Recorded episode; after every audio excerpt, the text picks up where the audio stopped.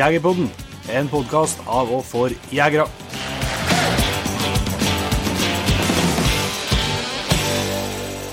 Hjertelig velkommen til en helt ny episode av Jegerpodden. Jeg heter Jon Petter Meldingen, og eh, hvordan går det med deg, Jon Ingevik, i varmen? Det er varmt, rett og slett. Ja. Det er ikke laga for den varmen som vi opplever i Trøndelag nå for tida. Nei, som, eh, som daglig leder i den sjappa her, eh, som nå eh, må da for første gang oppleve innspilling med deg i bar overkropp, så nå kjenner jeg på at, eh, jeg på at varmen tynger. Jeg lurer på om jeg må til å skrive noe sånn eh, ansattehåndbok eller noe, og der i så fall i reglementet kommer til å framgå ganske tydelig at dette er første og siste gang med innspilling i bar overkropp. OK, OK. Ja, men jeg vet ikke hvor mye svette det her eh, datamaskinen tøler opp i tastaturet, så det, det, det blir et kostnadsspørsmål, rett og slett. Ja, vi får se. Vi får se. Men eh, nei, vi funker vel begge to. Bedre i 30 minus enn i 30 pluss, ja. Det er vel Ja, eh, det bare å slå fast. Spesielt sånn som i år, når det, når det, når det går ifra ja, rett over null, lå på sånn fire-fem varmegrader i en lang periode i vår her, og så bang, så er, det så, så er det full sommer. Ja, det har ikke fått akklimatisert seg nå. kroppen klarer ikke helt å vente seg det. Men siden sist, Ninge, Inge, er du, du var ikke, eh, fikk jo ikke være med på noe innspilling litt på slutten på forrige uke, var du på tur? Ja, Vi har avslutningstur med, med klassen. Uh, sendte vi dem på fredag, men da var vi ute, i, ute på tur to dager før eh, i kanonvær da òg, selvsagt. Så da var det ja, en ko- kosetur, rett og slett. Det var bading og fisking og god mat. og Sov under åpen himmel og kosa oss. Så det var, det var topp stemning, det, altså. Det kan jeg tro. Ble ikke all verden med fiske, men uh, en helv. Ble tatt noe ørret, men det er ikke noe sånn uh, Vi skri- vi skriver oss ikke på fiskebørs, for å si det sånn. Nei. Det er ikke så enkelt, dette fisket. Jeg måtte jo eh, Den godeste Magnus eh, var jo- fikk jo døra meg på laksefisking i helga. og så eh, sto og kasta og kasta, men jeg, jeg, jeg fikk faktisk et napp. Da, må, og da skjønte jeg jo litt mer av greia med laksefiskinga. Det var litt eh, det, det var nok til at pulsen fikk rørt seg, det, altså. Ja. Var det første gangen du var på, var på lasseske? Nei, jeg har vært et par turer før i Namsen, Ja. Men uh, da har det aldri vært noe, noe kontakt. Så, men eh, ja, vi skal ikke Vi satt nå vel like mye og, og prata om store og små spørsmål som fisker, kanskje. Altså. Så det er vel dem som er Det er vel det er vel som jaktinga, at jo mer du holder på, desto større sjanse er. Men Ja. eh, må, må, må, ha, må kose seg litt òg. Jeg skal ut i Namsen for første gang. I, nå når jeg er ferdig her, så skal jeg rett, kjøre rett til Gartland og ut og prøve. Prøve i Namsen for første gang, jeg også. Det er tid, det er tid for alt, altså. For å fortsette sånn, så blir fiskepodden tar Nei, Det er ikke noe bra. men du har vært og skutt i, det er ikke fisking. Ja, jeg ser det. har jeg. Ja, det har vært det er ikke, ikke så mye å fortelle om, men det, det har jo meldt litt eh, tidligere at uh, det blazeren uh, F-16 Hagla som jeg har kjøpt meg, at eh, det uh, Grunnen til at jeg kjøpte den, var at jeg ikke klarte å bomme. Mm. Eh, det har gått over. hvor hvor er du nå? Nei, jeg var på, på Leirdubanen en tur i går oppe i Tromsdalen på Verdalen. På, på trappen. Så fikk justert uh, sjøltilliten litt igjen. Så det var helt Nei, jeg vet ikke. Jeg, jeg var på 18 treff ene turen, og så 14 tror jeg andre, andre turen. Ja, ja. Så det, det, eh, det ble noe det ble noe hull i lufta. Det er klassisk meg, altså. De som er helt sikker på at det er rene bakskudd, som det er bare å ha all verdens tid i verden på å plukke dem, eh, det ryker det for mange, altså. Mm. Så well, bare fortsett, men det var artig å, artig å skjøte litt, uh, artig å skjøte litt igjen. Nempel så vidt uh, Magnus her om uh, og fiskinga, og det nevnte vi jo i, i forrige gangen her at det ble åpning for et nytt liveshow, og det blir det på Støren eh, 7. august. Det ble utsolgt eh, tvert, men det hadde jo med at det ble lagt ut bare 50 billetter Mm. i oppstarten. Men nå er jo reglene litt uh, jenka på, så, så nå er det jo plass til, til 200 stykker. Så nå er det lagt ut uh, flere billetter der. Så uh, dit skal vi nå ta turen, og jeg gleder meg skikkelig til, til å få, eh, få ha litt publikum igjen. Det blir, det blir stort. Det blir artig. Det. Ja, det anbefales vel å være ute i litt god tid der òg, for å bestille litt fortsatt, da. Ja, jeg håper jo det har vært styggartig om det har blitt fullsatt, så det er ikke noe grunn til å sette på gjerdet og vente, i hvert fall. Mm. Det lønner seg aldri.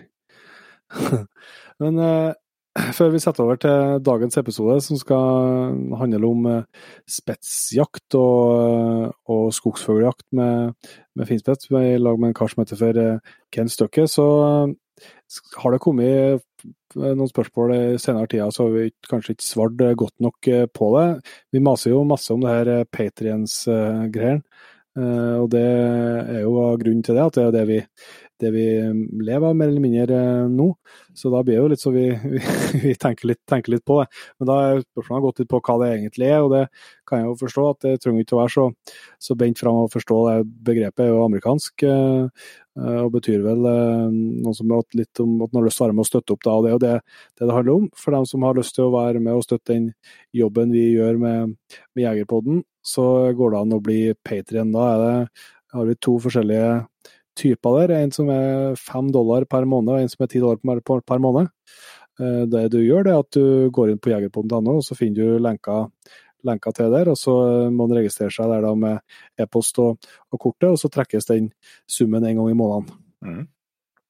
Og Så skal vi sørge for at i hvert fall så godt vi kan, for å gi noen ekstra fordeler til, til dem som har lyst til å være med oss som, som patriens. Det er jo noen ekstra episoder eh, innimellom, og det er jo trekninger av premier. Og, og den neste stortrekkinga nå, hvis vi når målet eh, som er ambisiøst, men som er et hårete mål om 2000 patriens, så, så, skal vi trekke ut eh, tre dagers eh, elgjakt forhåpentligvis til høsten. her da. Kanskje det blir, blir neste høst, da, hvis ikke målet tikker inn. Det får vi nå, ta, får vi ta når den tid kommer. Men, men, det er i hvert fall enkelt forklart. Det som er P3, det er en mulighet for dem som ønsker til å være med og støtte jobben vi gjør. Og så skal vi sørge for at det fylles på med litt ekstra fordeler for, for dere som har lyst til å, å gjøre nettopp det. Stemmer. Men uh, skal vi bare sette over til en Kent, da? Ja, det er en uh, lang og innholdsrik prat, så det tror jeg vi gjør. Da har vi gleden av å ønske Kent Støkke hjertelig velkommen til Jegerpodden. Takk, takk. Eh, endelig så skal vi få prata litt, eh, litt spetsjakt og finspets og forskjellig. Det har vi sett eh, fram til lenge, og det, det, vet jeg at det er mange av våre lyttere som har gjort, så det var artig at du kunne eh, bli med. Men eh, før vi kjører for fullt på det, Kent, så må vi få høre litt mer om hvordan kar du er. Ja, nei, jeg er jo en jeger i 48 år. Bor i Elverum. Driver med småskalig oppdrett av finspets. Mm -hmm. Og ivrig fisker og bruker mye av tida mi ute. Ja. ja. Mm. Hva, har du holdt på med hunder og jakt hele, hele livet, skal jeg si? Eller er det? Nei, det har jo vært Jeg uh, måtte jo sette av nok tid til hund når man først skal ha hund. Mm. Så da, jeg har hatt finspets nå i 16 år. Ja. Mm. Og finspets var min første hund nå. Mm. Så du holder deg, til, holder deg til den? Det holder meg til det som fungerer. Det er en veldig bra, bra hund. Har du, har du jakta fra, fra barndommen, da, skulle du si, eller var det noe du begynte med når du Nei, det begynte, jeg med, det begynte med litt når etter at jeg kom i Forsvaret. Ja. Jeg har jo ingen uh, nær familie eller besteforeldre som har vært noe ivrig på verken jakt eller eh, fiske. Nei. Så dette har jeg liksom funnet på litt sjøl, for å si det sånn. Og må tråkke opp eh, gata sjøl, da. Ja. Det gjør at det blir litt tyngre. Men Ja. det var i forsvar. Jeg tok jegerprøva. OK. Og Mhm. da ble det jo jakt når jeg kom hjem igjen fra Finnmark da, og ned til de dype skoger her. Mm. Sant. Kjenner du på første vilt, eller? Som du felte? Ja, det kommer jeg på. Det glemmer jeg aldri. Nei. En veldig spesiell opplevelse. Jeg jakta jo eh, skogsfugl her i Elverum. Mhm. Og fant et djupt skår med en eh, å nedi. Jeg fulgte en liten sti. Og så letter jo da i en brun fugl. da. Det var jo litt dårlig på første viltet, så visste var ikke jeg sikker på om det var røy eller eh, orre, så klart. Og sånn skremt det ble fra jegerprøva, da, så det skal ikke løsne av skudd i ti og uti og, og sikkert hold og avstandsbedømning og alt det der. Jeg løfta jo hagla og kikka etter at nei, denne var for langt unna, liksom. mens jeg holdt hagla der, så fløy, så jeg at den fløy rett imot meg. Så da var det liksom opp igjen med børsa da, og trekke av. og Der kom det en liten dunskødd ikke sant, i lufta. Og den var og så smalt som der jeg sto, og så kom jeg meg ikke unna. Så den der røya den var jo, gikk jo rett mot nesetippen på meg. Så den måtte jeg rett og slett fange der i lufta og ta imot, ellers hadde jeg vært, fått kul i panna. Så den husker jeg veldig godt. Det kan jeg forstå. Du la rett og slett opp til C-moment fra første stund her? Ja, ja, ja. Det var en veldig artig opplevelse. Og, Ja. og veldig Ja, morsomt å jeg da liksom har liksom nesten tatt børsa ned igjen. Liksom, har letta liksom på drøyt 20 meter, og så 20-25 meter. Mm. Og da var fløyen så rett, ikke sant? så jeg trodde den fløy fra meg. Ja. Men den kom rett på, gitt, så da var det smått å ombestemme da. Det var ikke noe annet valg enn å trekke av. Så da ble det røy og røymiddag. Ganske Ja, stor røy, faktisk. Stor voksen røy. Jeg så- så oppfatter jo at du jakter mye skogsfugl. Er det noe, er det noe annet du jakter bedriver nå nå i dag, eller? Nei, Det er mest jakt med spets og skogsfugl, ja. Så her blir det jo litt ja. eh, rådyr og andre ting. Mm. Så ønsker jeg da kanskje å bruke litt mer av tida nå på andre jaktformer òg, da. Ja, ja. Kan jakte noe villsvin og litt sånn etter hvert. Jeg har jo akkurat skaffet Mm. meg et nytt våpen for å kunne utvide litt det jeg har drevet og jakta. Ja, det vil vi veldig gjerne høre om. Ja. Hva som er på i våpenskapet, det er vi nysgjerrig på. du. Ja, ja. Der har jeg jo noe kombi, så klart. For Det bruker vi jo da Mhm. til skogsfugljakta.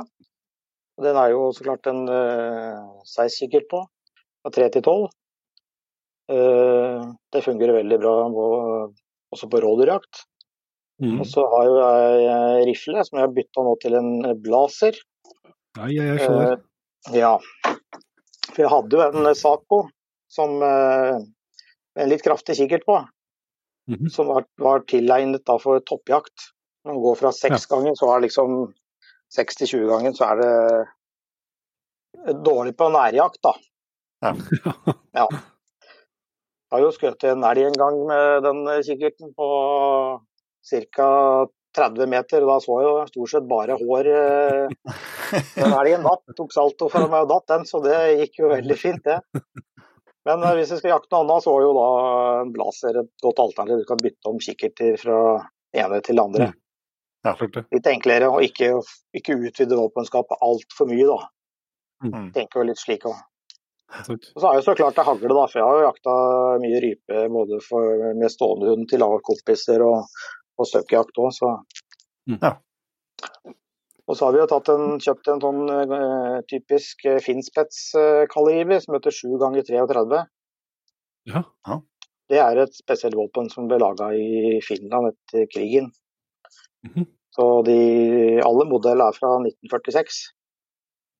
Ja. Og det er vel en type pistolkule, tror jeg. Litt kort og butt, og feller veldig bra. Lite skadeskyting, og du kan treffe liksom nesten hvor som helst på fuglen, og han detter i smellen. Ja. Og sprenger ingenting. Du kan skyte gjennom bar og nest, skyte gjennom en stamme og slik, så det er liksom det ultimate innenfor eh, spetsjakt, da. Ja. Det fungerer. Er det det du har på, på kombin, da? Nei, der har jeg 6,5, som jeg har på Ja, rifla ellers. Ja. Ja. Mm. For uh, jeg bruker på kombin, så er det i forhold til jaktformen, da, så er det jo mange steder så skyter du mye med kule i Sverige. Ja. Men i Norge, hvor fuglen sitter så tett som man gjør her, så er det inn på haglehold på nesten alle fugler. Ja. Ja. Og da Og det er jo litt mer morsomt òg, da. Snike seg mest mulig innpå. Være litt mer jeger og utnytte egenskapene og naturen og kamuflasje og slik, og komme seg inn på haglehold og få se fuglen. Ja, ja. ja. Men eh, du sa du hadde finspetsa, men hva, hva, hva har du i hundegården i, per, per i dag? I dag så har jeg tre finspetser. Ja. En på ti år, en på fem og en på ett år. Ja. Ja. Sånn er det jo både en, en pensjonist og en som skal jages inn. Ja. Den på ett år har jeg jo allerede felt fugl for, så den fikk jo sitt første fugl da den var fem måneder gammel. Å, såpass, ja. Ja. Det. Det er litt av sånn Men- fortrinnet rundt uh, finspets når det gjelder å jage inn og sånt. Det er, det er liksom bare komme seg ut i skogen og være der. Og la hunden få oppleve ting, jage ting, både fra sommerfugler til alt som er. Og så blir det jo til slutt en los da, når de nærmer seg fire og fem og seks måneder. Så kommer jo interessen for fugl. Ja. Og så er det jo ikke noe annet vi skal trene. Vi skal ikke trene noe mye apport eller sitt eller noen ting. Så er det ikke sånn, vi får ikke lært hunden å stå under et tre og lose. Det må man faktisk øh, ha i genene sine og finne ut av sjøl, for å si det slik. Ja, Uh. Så da kan man, man får en los da, med en finspett som er fem måneder, så kan du faktisk skyte. Ja. Og det er en god belønning for, øh, for, hun, for hunden eller for valpen. da. Det er jo artig med en, eh, med en rase og en jakthund som gjør at du kan begynne, begynne så tidlig, da. Ja, det begynner jo tidlig. Ja. Trene litt innkalling og vanlig dressur, så klart. Men øh, å gå ut i skogen, så er det bare å la hunden finne ut ting sjøl. Ha det artig. Og hvis den, valpen da har med seg en øh, god og dyktig jeger bak, så er det store muligheter for at den kan bli en god jakthund. Ja, Ja. ja det er For det, er, for det er jo det som de fleste sliter med, at de ser jo ikke fuglen. De kan se hunden ta opp fugl, iallfall valper, da, for de er jo ofte veldig nærme deg. Og da kan du se den tar opp fugl, og du kan se den slå inn i trær. Etter det så greier ikke folk å finne igjen fuglen. Og da får, er det litt problem med å få vilt, og det er litt synd for hundene og sånn nå. Mm. Så folk må bruke mer tid på å lære seg å kjenne eller se ting oppi et tre. Mm. Det er jo en sånn Mange tror det er en veldig lett eh, jaktform. For fuglen sitter jo bare på nakvisten, den. Og venter på å bli skutt, liksom. Det er for det som har gått noen turer i skogen og dere jakta litt forskjellig. Vi- Dere veit at ting er litt annerledes. Rett. Det er jo et individ, og det er et vart individ. Det er jo akkurat som elgen. Den står jo heller ikke rolig når du kommer vasende gjennom skogen, den heller. Nei. Den kommer jo forbi posten posten som regel. Ikke sant? Det er jo Mm. sånn det fungerer. Men eh, hvordan, hvordan var eh, bakgrunnen for at du eh, endte på Finspets? Da du var 16 år, så hva, hva var det som gjorde at valget datt på det for en første jakthund?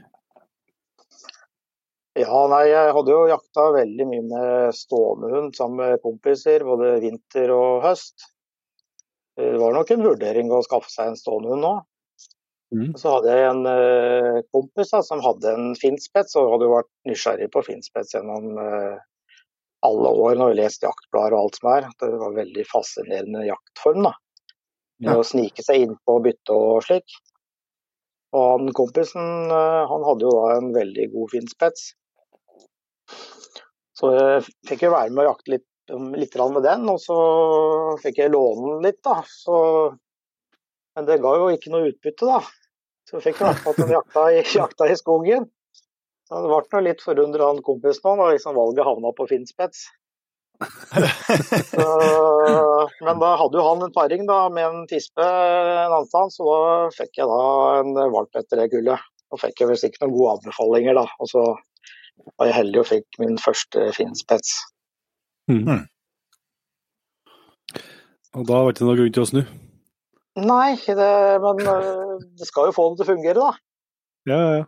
Så det er, men det er en veldig fascinerende jaktform. da. Om du ikke får utbytte hele tida, så er det jo kjempemorsomt å gå i skogen. og eh, Adrenalinet stiger jo et par ekstra hakk eh, når du hører eh, lettere enn tiur, eh, kanskje 100-200-300 meter foran deg. Bikkja tar opp, og så hører han begynner å skjære nebb opp i treet. og liksom, har fått bekreftelse at det er gammeltiuren du Den har du vært borti to-tre år før, liksom. Tatt opp på samme sted. Når den sitter der og skjærer i nebbet og bikkja går bort og loser, da blir du litt ekstra forsiktig i skogen. Og det er det som fascinerte mest, da. Den ansmygginga, komme seg innpå. Og når du kommer innpå, da, prøv å finne at denne fuglen nå, da. Men eh, når du nå da har holdt på litt lenger eh, med dette, hvordan eh, Hvis vi tar det fra starten liksom med valpe, ja, valpetid, og, eller å finne både først kanskje finne valp, da er det, hvordan er det med linjer og sånt i, i Skandinavia? Er det, er det enkelt å, å, å finne seg valp hvis en ønsker? Det er nok litt det er nok større etterspørsel enn det er produksjon sånn grovt sett, da. Ja. Men jeg, jeg, jeg tror jo gode jegere eller hundefolk de får seg valp eh, ganske raskt uansett. Mm. Uh, og så er det jo det er, det er høyere produksjon av valper i både Sverige og Finland enn det er i Norge. Ja. Mm. Vi er jo en liten, liten klubb i Norge. Vi har jo bare én, én klubb i Norge, vi da, for å si det slik. Ja. Og vi har vel en uh, 200 medlemmer i klubben, og jeg vet ikke hvor mange finspetser det er. 300-400 eller noe slikt kanskje. Mhm. Ja. Mm. I Norge så produseres det kanskje fra ja, 25 til 40 valper i året, sånn i snitt. Ja. Mens i Sverige så er det jo nesten tigangen på det vi har, og så er det tre ganger så mye bort til Finland igjen. Ja. Og i Finland er det jo nasjonalrasen. Ja. Mm. ja. Og så vi har den grå elgen her.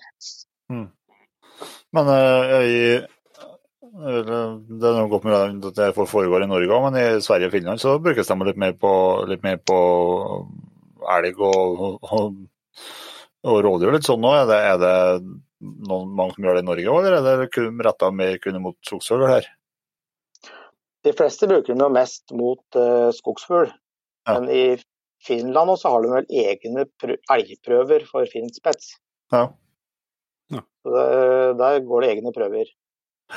Og der var det vel en som kvalifiserte seg til nordisk her eh, for et par år siden. Ja. I Meråker eller Lierne eller noe slikt i Mm. 2018. 17-18. Han, Den han vant stakk liksom. jo Han, Hæ? ja, han vant like så gjerne, han. Ja, han dro med, han dro med pokalen, han. Så at det fungerer på det, det er helt sikkert. Ja, ja, ja. Vi veit jo det når vi trener ikke sant? De er veldig viltfinnere. Mm. Eh, De er jo, har jo, det er jo en spisshund, ikke sant? så den har jo øra oppover og hører jo alt som er. Mm. Og veldig gode sanser og veldig godt syn. Så han bruker jo alle sansene i tillegg til eh, nesa. Da. Ja. Mm. Så når det kommer en elg, da, så er det lett for at det blir en forfølging på den. Altså når den er et halvt år eller et år gammel. Til jeg kan si glede og frustrasjon, for å si det på den måten. Ja. ja, men hvordan, eh, når du liksom eh, Du sa jo i stad at, at, eh, at man kan jo begynne på veldig tidlig med dem. Hvordan, hvordan går det fram da, når du får en valp i, hu- i hus og, og liksom skal begynne å, å trene dressur og, og, og få, få timer i skogen på den? da? Ja, det er å være ute mest mulig, da. Så Mm. oppsøker jo skogen så fort det er råd. Jeg, tar, jeg driver jo med oppdrett òg, så valpa valpene mine blir tatt med ut i skogen eh, fra de er fem og en halv, seks uker. Ja. Mm.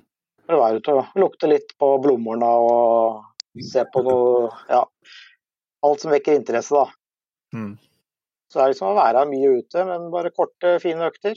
De er jo kortbente ikke sant, når de er eh, små, så blåbærlyngen og sånne steder blir jo, det kommer seg ikke så godt fram. Nei. Men det er jo sommerfugler og fuglekvitter og masse forskjellig. Eller om det er våren da, på snøen eller hva som helst. Ja. Mm. Det er jo slik I Norge så er jo de fleste eh, paringene skjer jo fra rundt jul og mot våren, så nesten alt blir født på første delen av året. Ja. Ja. Ja. Så driver vi så klart, eh, for vi har jo såpass få kull. Så de fleste planlegger jo det, mens i Sverige så blir det jo mer, og Finland da, så blir det jo mer over hele året. Men mest også Mhm. der på vår, vårsida, da. Det har jo litt med at vi ikke vil ødelegge jakthøsten og slike ting òg. Men så er det noen Mhm. tisper da, som bare løper en gang i året, da. Så da har du jo bare den ene muligheten. Jepp. Det er tomt. Mm. Men det er å være mest mulig ute. Det er det viktig. Ja. Mhm. Men Du snakka om at de hadde fire-fem eh, måneder at jeg kan begynne å lose og sånn, men eh, nå, er det klart at det vil jo ordne seg på vis sjøl. Hvis, hvis du har, har valp fra et kull som er, er født tidlig på året, så, så begynner den å være den alderen når, når høsten er der. Men hvordan Ja, det, liksom på, når det ikke er jakt, altså vil du eh, du trene dem så en unghund så han får los, stå og los fugl når du ikke har muligheten til å skjøte òg, eller? Ja, på vinteren og slik, ja. Ja. Eller så er skara og sånn, så trener jeg på skaraen. Ja. Mm. Og helt inntil eh, ja, såkalt båndtvangen eh, kommer, da. Ja, ja. Det- er jo det har vært, for vært, oss alle. det har vært, vært noen uh, fantastiske vintre nå de siste, noen av de siste fem åra. Ja. Mm. Men på fem år jeg har nå, fikk jo trene på skaraen hele, hele vinteren. Det var kjempeforhold, ikke sant. Det var, kom snø, og så ble det skara igjen. Så det var jo skøytefører liksom hele vinteren. Og det har det vært i vinter òg, da. Så jeg har hatt en unghund nå. Så det, var det har vært helt gull ikke sant, å få forlenge sesongen sånn for en sånn unghund. Mm. For masse nye situasjoner. Lette hun bare stå og los på fuglen, da, og så, og så rose den og, og koble den, Ja. eller? Nei, jeg kobler jo ikke, men men der, når de var unge, da, så da finner de jo fugl. Oftest på bakken, da. Og så jager de dem opp i tre. Ja. Og da har de jo lett for å miste interessen etter kanskje et minutt eller to, da. Ikke sant? For det, de veit når jager den opp, men det er ikke sikkert de kjenner lukta på den eller ikke ser den lenger. Nei. Så, så det er jo litt frustrasjon i starten når du skal jakte inn hund, selv når det er jaktsesong, da. Så du rekker jo ikke fram før losen slutter.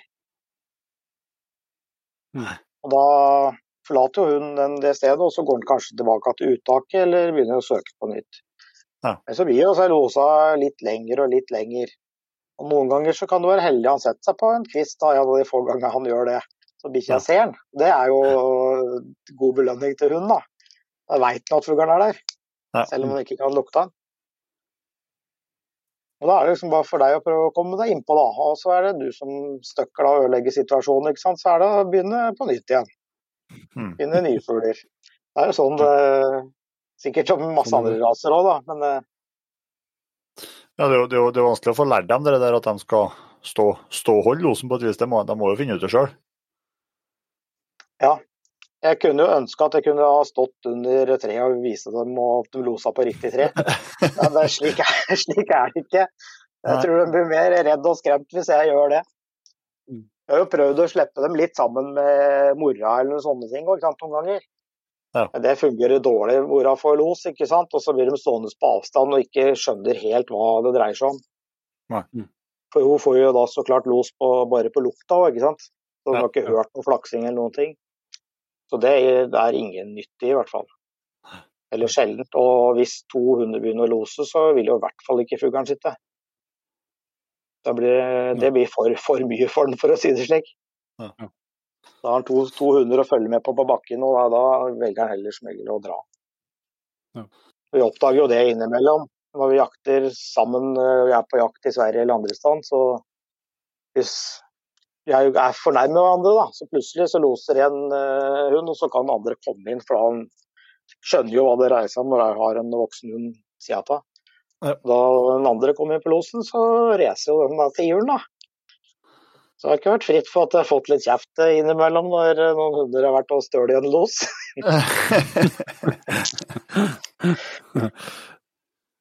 men men er, er, hva er, liksom, er, er det lukt eller er det lyd?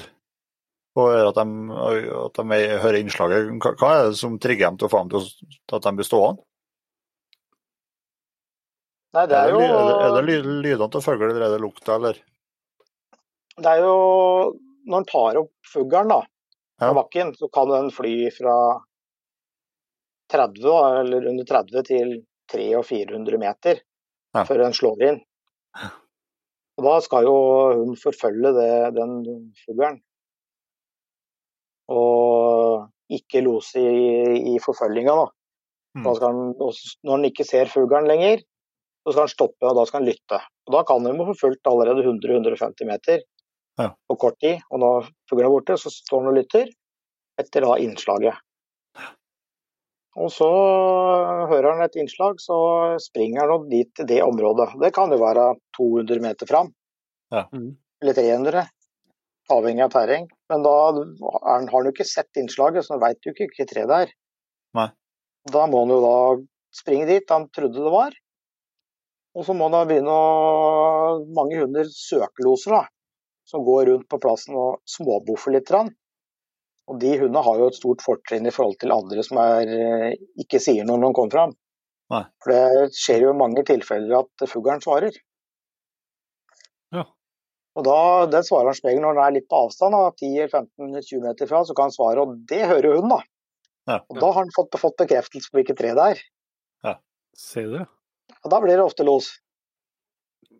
Tøft. Ellers, ellers så hvis ikke fuglen sier fra noe, eller at den ikke flytter seg på kvisten så ikke hun eh, hører det, så vil den kanskje gå rundt litt i det området der til den kanskje lukta begynner å komme ned på bakken. Ja. Ja. Og da tar den det på lukta. Mm. Og det er jo her ungene sliter mest, da, ikke sant. Ja. Bruker ikke nok, nok tid. Og da får de ikke den fuglen hvis den har flydd for langt. Så de liksom helst får med seg litt noen flere enkle situasjoner. da, At fuglen flyr litt kortere, og du veit hvor den har landa. ikke sant, og så og så på tidlig på høsten så er det jo heller eh, også dårlig lukt da, som kommer ned fra trea. Det er jo ja. Sola står på litt oppi treet, og all lukta går oppover. Ja. Så en hund kan jo vite hvor han har slått inn og hørt at den ikke har eh, dratt, og kan drive på et kvarter 20 minutter, men det kommer ikke noe lukt. Og ikke noe lyd som avslører fuglen. Og da Med unghund så er det da Da går jeg bare på. Når jeg skjønner at hunden ikke greier å finne igjen og lukta ikke kommer, så går jeg på. Og så når hun er i nærheten av meg, så prøver jeg å gå gjennom området så vi støkker fuglen. Mm. Da har i hvert fall fått en bekreftelse at den var her. Og så får han en forfølging, da. Så har han da mulighet til å ta han opp en gang til, da, hvis han slår inn etter litt kort, kort tid. Ja. Mm. Det gjør jo, det gjør jo fuglen sjelden da, når, eh, når mennesket har støkka han, så flyr han ofte mye, mye lenger. Ja.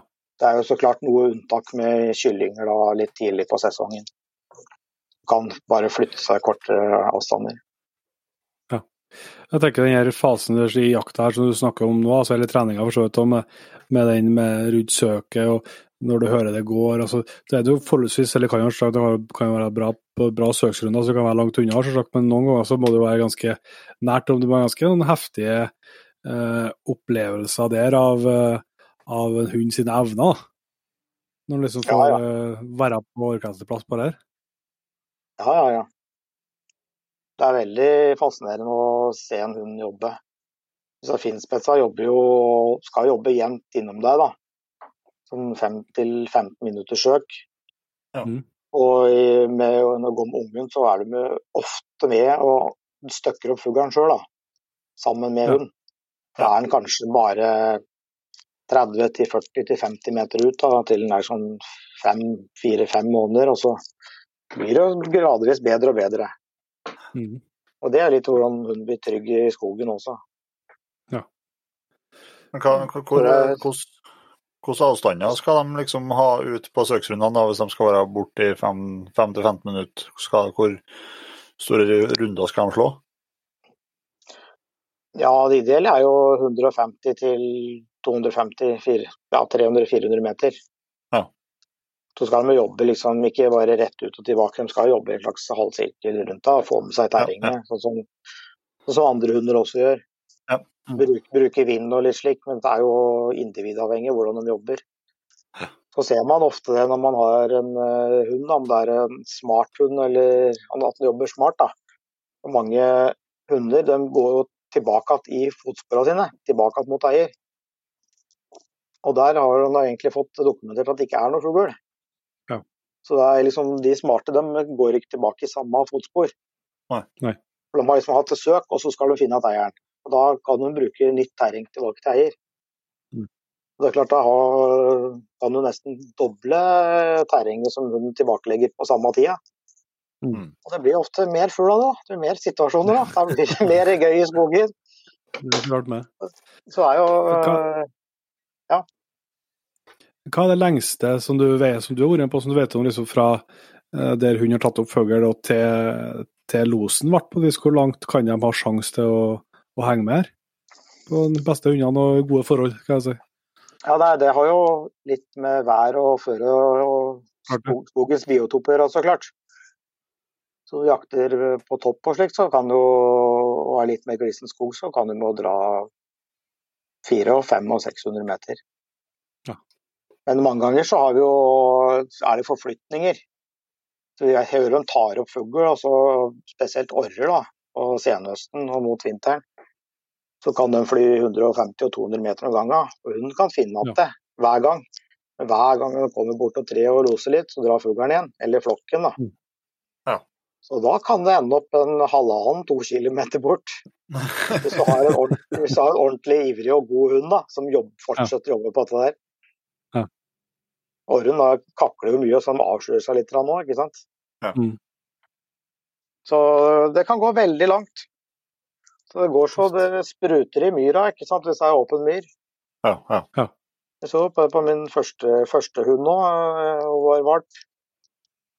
Hun sto omtrent med tårer i øya når hun så og tok opp en flokk orrer og sprang eh, 600 meter over ei myr og fulgte etter og fikk fant at dem på andre sida. Da, er det- da er det gøy, da, vet du. ja det tror jeg. Da skjønner du at du har gjort noe riktig og at du er i din riktige jaktform. Og, og det de tar opp at fugla på nytt igjen og de drar, kan se dem, da, at orrene flyr 300 meter, og så hører du at det blir los igjen der de hadde landa.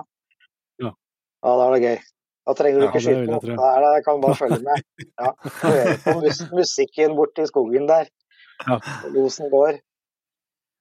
Hva skal vi si da, at jeg tenker, at jeg tenker på det er jo som vi har diskutert med, diskutert, i snakka med, med mye hundfolk eh, om det, og dette med viktigheten på vis av å, felle, da, eller hvor stor eller liten den er. altså av, av det å få det første fallet på vis i den første situasjonen. Hva, hva er erfaringene eh, dine der? altså Har du noe eh, har det stor, Tar du liksom et, et steg, steg, tydelig steg når du har fått, fått felt, eller hvordan eh, hvordan eh, funker det? Ja, det vil jeg nok mene. At for får felt fugl, så har jo hunden kommet et steg videre. Mm. En sånn som eh, Jeg har jo felt for noen av hundene mine vært fem måneder, og så er det noen som har felt for noe halvannet år. Ja. Ja. Men, men for de yngste, da, de har kanskje litt lett for å glemme, så må begynne litt på nytt av neste høst. Ja. Ja. Men den, få den belønninga at uh, hun har stått på riktig tre og lose, og det detter ned en fugl, det vil de huske, og det vil jo som regel resultere til at losa blir lengre. De blir mer trygge på seg sjøl. Og det er det som er eh, viktig, da. For når du kommer litt seinere ut på høsten, så sitter de ofte fugla oppi trea. De sitter ikke på bakken. Nei. Og da må de finne dem oppi trea, og da kan de unge slite litt, da, som ikke har fått felling. Mm.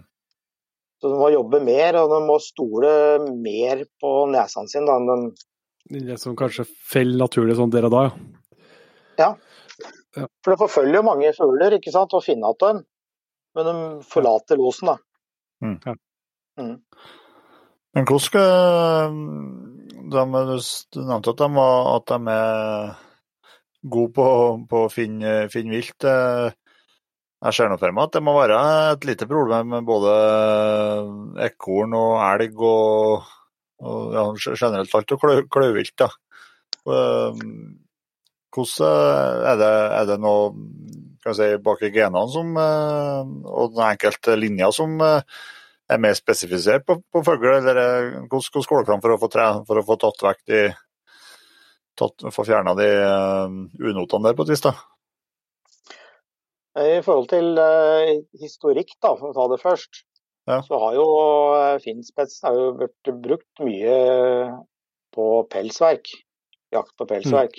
Ja, ja. Både mår og ekorn. Ja. Og det var jo for 150 og 200 år siden så var jo det mår og ekorn det var jo noe du fikk veldig godt betalt for. Ja. Det er jo nesten bare kongen og adelsmenn da, som har ekornpelskåpe, liksom. Ja. Det går jo noen ekorn på en sånn kåpe. Og det var veldig godt betalt. Så det var jo sikkert gode penger inn for dem som eh, drev med det. Og det, er, det henger jo igjen i våre individer dag i dag, da. Mm. Mhm. Så klart at eh, er jo viltpleie, det òg. Ekorn er ikke like mye viltpleie. Og eh, det vil kanskje ikke felle, da, sånn som den opplevelsen du har hatt tidligere her. At man har skutt et ekorn Ja. Man trodde var fugl. For det le seg oppi bare. For det er jo Ja. Og da kan det fort på noen individer bli mer ekornloser, da. Ja. Det er jo ikke så rart, det. Det, det som du var jo nettopp på den belønninga. Det er den belønninga. Sånn, jeg skulle helst ikke hatt den der, da. Men eh, Nei. det er ikke så enkelt å spore tilbake. Nei, det er ikke det. Så det viktigste for preginga det er jo da å få felle fugl, da. Hvis det er det Ja. du ønsker å jakte. Ja. Ja. Det Klart det finnes jo gode linjer på elg og slik òg, og de jager jo og loser jo. Noen loser bjørn, og noen eh, skyr bjørn, ikke sant. Mm. Så du kan og mange har de å jakte grevling, og Mink og flere jakter jo mink med dem langs kysten. Ja. Mange, det er flere som er spesialisert på mink, sammen med andre hunder ofte òg. Men de har jo den Ja. fantastiske hørselen, ikke sant. Ja. De hører jo det minste, og det er noe vi kan slite med i skogen nå. For det, det kan bli noe graving etter mus og slike ting når du hører det. Og spesielt rundt Gamma om kvelden, hvis de da går litt fritt rundt, så blir det ofte noe graving etter noen mus rundt omkring. Men det er jo tre, det er litt trening for en valp, det òg. Ja, ja, ja. Vise interesse er for alt mulig. Jaktlyst. Jaktlyst, ja. Det er jo en, det er jo en uh, snedig rase. Sånn. Altså, du kan jo bruke den på mye rart hvis du bare vil, da. Ja, det kan du. Ja. Det er flere som bruker det på forskjellig. Ja. I Norge så er det mest, mest skogsfugl og mår. Ja. Ja. Og Mink, mink da, for den som bor kystnært, så blir jo det helt naturlig. For det er mindre skogsfugl langs den lange kysten vår. Er som en minkejakt på Elv Elverum. Er ikke så veldig. Men det er noe oppi her òg, vet du. Rundt Mjøsa og steder så er jo det. Ja, ja. Men det er jo belastet med veier da, vet du, inn nær inn til Savanna og Draga, så det er liksom ikke aktuelt. På, ja, for at det er jo finspett vi snakker om nå. Jeg har jo ikke truffet eh, så mange finspesser, men noen har jeg truffet. Det er jo ganske Det er jo veldig sånn- Det minner jo i hvert fall dem jeg skal ikke si at det er sånn, men dem jeg har truffet, det minner jo litt om og litt, altså litt kanskje du kjenner fra fuglehund. Altså det, det, det er mye fart og energi. og så det, det er hunder som krever å bli aktivisert. Eller? Det er hunder som krever å bli aktivisert litt, ja. Mm. De kan passe bra i en eh, byleilighet og andre ting, men du bør være ute og ja, få brukt litt av eh, sinnet deres, da, så de får, får ut litt. De har jo, har jo lett for å låse, og slik som de står ute, så er jo de hører jo og ser alt, ikke sant. Mm. Til uh, frustrasjon til noen naboer innimellom, sikkert. Men sånn er det, da. ikke sant? Og spesielt til det blir halvannet år, så er det veldig mye som skal læres. Og det er en veldig sosial og fin uh, hund. Veldig, veldig bra familiehund. Mm. Så det, eh, det har jo vært mye rykter at det er skarpe og slike ting, men det, det, det har vel de andre elghundrasene våre også vært litt, når man ser litt tilbake. Ja, Det er vel, eh, det er vel hundeholdet som endrer seg mer enn rasen. Ja. Tror jeg på mange hold. kan jo fort, eh, fort være det. Og så sikkert òg sikkert avlen over, over tid og det kan sikkert òg gjort sitt, men jeg er helt enig med at jeg tror Ja. at eh, hundeholdet og liksom viktig ja, Mm. for, eh, for å ha en trygg og, og glad hund, skal jeg si. Det har jo vært, det er jo som du sier, det har jo vært avla bort noe som man ikke ønsker. Mm. Ja. Det var jo litt sånn på 70-80-tall på utstillinger, ikke sant, så skulle jo en eh, sikkert en god elghund og en god finspett skulle jo glefsette dommeren. Og det kan vi prøve på i dag, da. Det Hvis vi ikke får spille noen gang mer på på utstilling. Yes. Så da er det jo blitt en uønsket egenskap, ikke sant? for da får du jo ikke premiert en plutselig. Nei. Så da blir det jo naturlig at det, da blir det jo ikke en uh, anbefalt avlshund, da, ikke sant. Men noe av de gena kan jo henge litt i, men det er, eh, de fleste nå er jo veldig fine familiehunder. ja, så er de jo små, og de er jo små og hendig størrelse på. Ja, det er kjempefin størrelse. Mm. Jeg klemmer jo tre stykker inn i bilen, jeg har ikke noe problem med det. Nei. Jeg har jo en pickup med bare plass bak eh, seta, så ikke noe problem. Og så er, men det må jo være altså med, den, med den farta de, eh, de holder for å klare å holde følge med fuglen lengst mulig. De, Mm. hvordan er det med skader og sånn på dem? Jeg vil jo tro at de, er, de, de kan ikke være hardt belasta i og med at de er så lette i kroppen. og Nei, de er veldig spenstige hunder. Ja. Veldig raske i vendinga og flyr lett og pent. Altså, de har jo ikke sånn der alvorlige fraspark, men det er jo, blir jo vanvittig fart allikevel. Ja. Mm. Det er jo for, litt fordi de er lette. Ja. Så Nei, det er li, lite, lite skader. Nesten ikke borti skader i det hele tatt på det. Nei. De kan alltid få rift i en det sånn som alle andre hunder gjør. Men ja, jo, eh. Det er belaster, belaster ikke på samme måten, tror jeg. Nei. Nei. Ja, men du ser jo andre hunder på skara får jo sår og poter med en gang. og Ja, ja. Spetsen springer jo litt lettere, på en måte. Og vi har ikke samme Mm. fraspark. Han springer lettbent bortover, da. Mm. Ja. Du får jo så klart sår og poter etter hvert, dem òg, skal ikke det. Men eh, Jo, jo, jo. Det, Ja. alle gjør jo det. alle gjør det. Mm. Men hvis vi var litt på, på søket her, hvordan, kan ikke du prøve å du håper å si, tegne et bilde av hvordan et uh, optimalt uh, søk skal være liksom i, i ditt hode? Hvordan ser det ut? Eh, Skal det, så du er inne på avstå fem til fem minutter til et kvarter? Litt sånn mm. sø, lange søksrunder er, er bra? Nei, Du skal jo ha et, et god fart i søket. da. Når det gjelder Mhm. f.eks. Uh, jaktprøver, så dømmes jo både fart og utstrekning. Ja. Så det er jo momenter som er viktig. Mm. Eh, Og når du har et, eh, en god fart og god utstrekning, så må du for å få med deg fugl som også har en god nese. ikke sant? Så er det jo ikke noe poeng med et, eh, en høy fart. Det er viktigere å få med seg fugl. Så der, det skiller jo kanskje individet veldig. Men de skal jo jobbe smart ut ifra det, da, og aldri gå opp igjen der de har vært. Så Nei. den ideelle er altså ja, 5-15 eh, minutter da, på jaktprøve. Over under det så blir det liksom trukket på utstrekninga. Så skal du også klart søke, søke smart, da. Ja. Det skal jo skal ikke springe midt over en åpen myr. Det er veldig få skogsfugler som sitter midt ute på åpne myrer.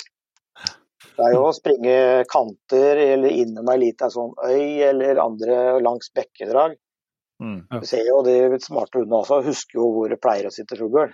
De springer jo ikke vilt rundt, liksom. De har jo lært seg noe. Og da, det, ser jo, det ser jo på de smarte hundene at de har et, et smart søk, da. Mm. Og da er jo, Har du smart søk, så kompenserer jo det både for fart og utstrekning, ikke sant. Ja, Det er klart. Men så er det å kombinere alle disse her som gjør at man får det spesielle individet. Men igjen, der kan ikke vi lære dem noen ting igjen. da. Det er liksom, vi må bare ta til takke med den hunden vi får, eller har. Ja. Så vi må bare legge grunnlaget helt fra starten av og være nok ute så du får nok erfaring sjøl. Ja. Det er det absolutt viktigste. Det blir ingen eh, gode jakthunder under peisen. Og ligger der og varmer seg hele vinteren. Uh, Verken harehunder eller finspetser blir bra, det, altså. Det er kun, Det er kun i skogen det skjer.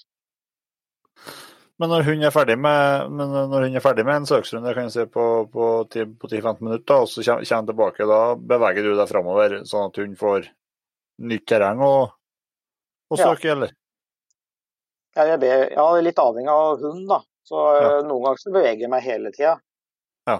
Andre ganger så har du, har du trangere søk, så er du mer avhengig av at du står litt mer i ro, da, så han får avsøkt terrenget foran deg. Så du er sikker på det. Ja. Mm. Du skal jo ikke støkke fugl, som jeg sa tidligere her. Så Nei. en fugl som jeg må støkke, den kan dra en kilometer eller to. Og det er sant. garantert at hun ikke finner igjen den. Ja. Ja. Så det går jo litt mer på oppførsel i skogen også, da, ikke sant? hvordan man ter seg i skogen. Mm. Så og da kommer hun da inn igjen fra søk og skal bare krysse meg og ikke surre bort noe mer tid rundt meg, bare jobbe på nytt igjen. Mm. Ja. Og nå, I dag så har vi jo GPS, og vi ser jo, vi kan jo jukse litt, da, så vi veit jo hvor hunden har gått. så vi kan jo liksom Drar den ut rett foran så kan du jo følge det sporet. Ja. Da får vi jo sammen dratt av mer terreng. Ja. Det er jo viktig å ikke avansere for fort, da. Det ender som regel med støkt fugl. Ja. Ikke, stress, ikke stress, hun her, men eh, det er jo ikke tvil om at uh, i sånn, ja, for, for, å få søkt av terreng, ser jeg med, ser jeg jo med, med elgene at jeg bruker jo GPS-en nesten like aktivt i, i søket som i, i som også et, et uttak. For, mm. for, å være sikker på at jeg ikke beveger meg inn i, inn i terreng der det kan, kan, være noe som er, som er uh, tullete. Mm. Så det er et, jo, Nå i dag så bruker jeg også GPS-en på når jeg har fått los, for å velge smarteste terrenget fram til losen. Ja. For den forteller jo meg om terrenget eller åpninger eller myrer. Ja. Og hvis jeg da ser at bikkja står i los på andre sida av myra, så er det kanskje dumt å gå snorrett på. Så, mm. for jeg kan jo ikke få kryssa en myr som er 100 eller 200 meter brei uten at fuglen ser meg. Nei. Og da kan jeg velge annen rute for å slippe å avsløre meg på forhånd. Mm. Så jeg kan krysse til en myrsnar lenger ned da, der det er mer buskas, eller at jeg greier å gå rundt. da. Ja. Mm. For losen den kan jo ha starta på 600-800 meter ut på flere individer. Ja. Ja. Da er det, nå må du planlegge litt. Da. Da har du et ung, ung hund, da, så er du liksom avhengig av å komme deg mye raskere innpå. Så du må planlegge mer, da, for den veit at den ungen den står kanskje i fem minutter og loser. da. Mm. Så er det 300 meter fram med rolig ansmygging. Det går fort fem minutter. Ja. det gjør det. Og spesielt når du nærmer deg fuglen, da. Og ikke ser den, så det, kan du mm. vanligvis så kan du jo bruke et kvarter og 20 minutter og halvtime for å finne at fuglen oppi treet. i mange tilfeller. Det, men da, det er litt vanskelig med en unge da, som slutter å lose etter fem minutter. Da, da, må man noen ganger, når man har vært litt frustrert og ikke fått felt fugl, og du veit at fuglen er litt lett For noen fugler kan jo dra etter fem minutters los òg. Ja. Merker det på noen, dagsformen til fuglen nå, for det er jo annerledes enn uh, fra dag til dag, det òg. Ja. Noen ganger så må du faktisk avansere raskt fram da, for å kanskje få den første fuglen din. Mm. Mm. Ta, noen, ta noen sjanser, ja. Du må ta noen sjanser, ja. Spesielt når du mm. kommer litt lenger utover høsten, som jeg sa. Fuglen er mye lettere. Ja. Er det los til bare to minutter og fuglen drar, så har du ofte liten sjanse på å komme innpå, hvis ikke du har, et, har det akkurat foran deg det har skjedd. Mm. Ja. Det skjer jo det. det. det har jo sagt uh, av dem vi har prata med før òg, Petter, eh, om ja, som en, eh, som en Jon Erling Skåtan, som vi snakka mest elgjakt med, men som òg jakter med, ja. med spets. da, liksom at Hvis man tror det er vanskelig å stille inn på en elglos mm. det var liksom, skal, du, skal du jakte med spets og, og stille inn på fugl, det, det, det, er først da man blir god til å stille inn på los i forhold til, forhold til på elg. Ja, ja, ja. ja. godt, ja, godt poeng der. Det er noe med at, toppen, at fuglen har eh, ganske bra overblikk fra det han sitter. ja, det er, det er, kanskje det de fleste misforstår mest. Som jeg ja. sa, de tror fuglen sitter på kvisten og bare venter. Ja. Mm. Ja. Men hvis for alle oss andre som har kanskje sittet oppi et jakttårn eller sittet oppi et tre når du har vært guttunge eller og kikka ned Det som skjer på bakken der, da ser du altså småbiller eller mus gå rundt på bakken. Ja. Da er du ganske naiv hvis du tror at du på en kar på 80 kg så vil jeg snike deg usett fram til til sånn tre, og fuglen ikke ser deg. Så det handler om å te seg bra, da. Ja. Og Noen ganger så greier vi å snike oss usett fram, og andre ganger så velger faktisk fuglen å sitte. Det må vi jo innrømme, ikke sant? Så det er dagsformen til fuglen eller om det er en kylling eller andre ting som kan trykke veldig hardt. Ja. Vi ser jo det på ja. mange av jaktprøvene òg. Vi, vi får noen aha-opplevelser da. Da vi kommer fram til losen og vi kommer fram til treet og ser jo bikkja og leter etter fuglen. Og så finner du fuglen til slutt. Og så må du begynne å banke i stammen og knekke kvist, og til slutt så står dere og kaster kongler og kvist oppi treet, og den fuglen vil ikke dra. Da har du en sånn der som hadde vært perfekt å ha for en unge når du eh, skal jakte inn. Ja. Men da skjer det ikke da, vet du, du går med børsa. Da er det helt andre regler i skogen. Det har man lagt merke til. Ja. Hva er det som hvis du tenker på losarbeidet til hundene, da? Eh, hvordan, eh, hva skiller altså, Hvor stor betydning har det på vis, og hva, hva skiller de, de gode fra de beste? Det skal jo være en tett, jevn los. Det er det mm. viktigste. Og når det er en tett los, så har jo du mye lettere for å smyge deg inn. Da betyr det mindre at du tråkker på en kvist. Så hund den hjelper å kamuflere din eh, At du bråker i skogen, da. Og så da loser de de finspetsene loser jo fra 90 til 140 bjeff i minuttet sånn ish. De fleste ligger på 100, 120 eller noe slikt. Dæven, Det det går ja. To bjeff i Da går sekundet. det unna. Ja. Ligger ligger du ned på 80 da, eller noe sånt da, og har en serie, så blir jo ansmygninga mye vanskeligere. Ja. Ja. Så Det er også en av bedømningene våre i jaktprøva. Så det er losens art og hørbarhet som man kan få trekk på. Men kan ikke du dra oss kjapt, gjennom eh, en jaktprøve? Altså hva um, det er ikke noe, Dere skjøt dere skjøt nå ikke skjøt ikke med fugl, da? Nei, vi skyter ikke noen fugl på jaktprøve. Eh, Vi har, jo noe som heter forfølging av fugl, og det er jo etter los. Så skyter vi den, så blir det jo ikke forfølging. Så da mister du alle de poengene med en gang. Det går, det går jo ikke. Nei. Nei, vi har jo eh, mange momenter i eh, prøva. Da vi sa det var jo fart og utstrekning. Evne til å finne fugl. Markering av fuglen. Losens art og hørbarhet. Så er det loslengden, da. En fulltidslos er jo ti minutter under en prøve. Ja. Og så får du jo forfølging da, og eventuelt fornye los, da, som er liksom det ypperste av den, den jakthund eh, presterer, er jo å få en fornye los. Ja. Ja, for å ha hatt en lang los på en fugl og vi støkkeren og greier å finne at den en gang til å få fornye, så er jo det de beste individene. Ofte veldig vanskelig å dømme i mange tilfeller, men det er de beste individa. Og så har du Ja, sånn for det må jo kunne Det må jo Ja. kunne skje da at, eh, at det er en annen fugl Eller altså, altså hvor, hvor tett etter det første stykket må, må den forfølgingslosen komme da, for du skal få det regna?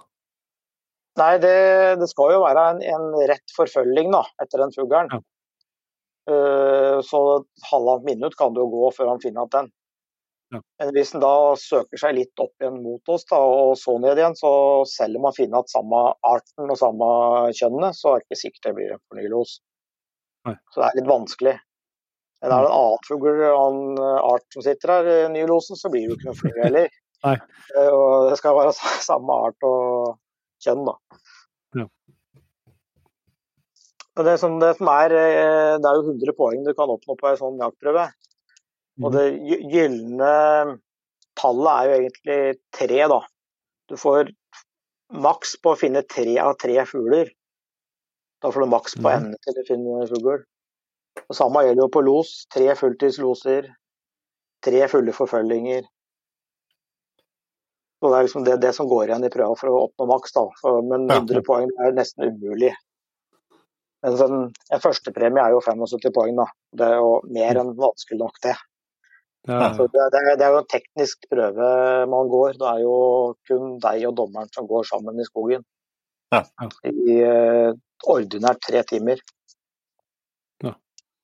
Så har vi mulighet for å gå for lenge. da. Hvis du bare funnet én fugl på de tre timene, så har du mulighet for å gå en og en halv time da, for å finne to finne muligheter til. da.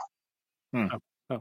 Så det er, ikke, det er ikke bare at du skal ha være los, men har, du hatt, har hun hatt muligheten til å finne fugl, altså de støkker en fugl, eller at eh, hun har gått forbi da, prøvegruppa støkker fugl, så er det en finnende mulighet.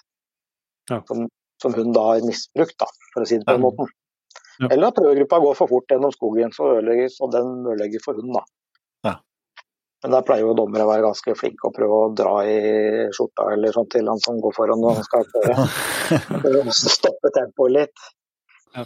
Men alle har jakta en hund av sin på forskjellige måter, da, så er jo, det er litt farlig det òg.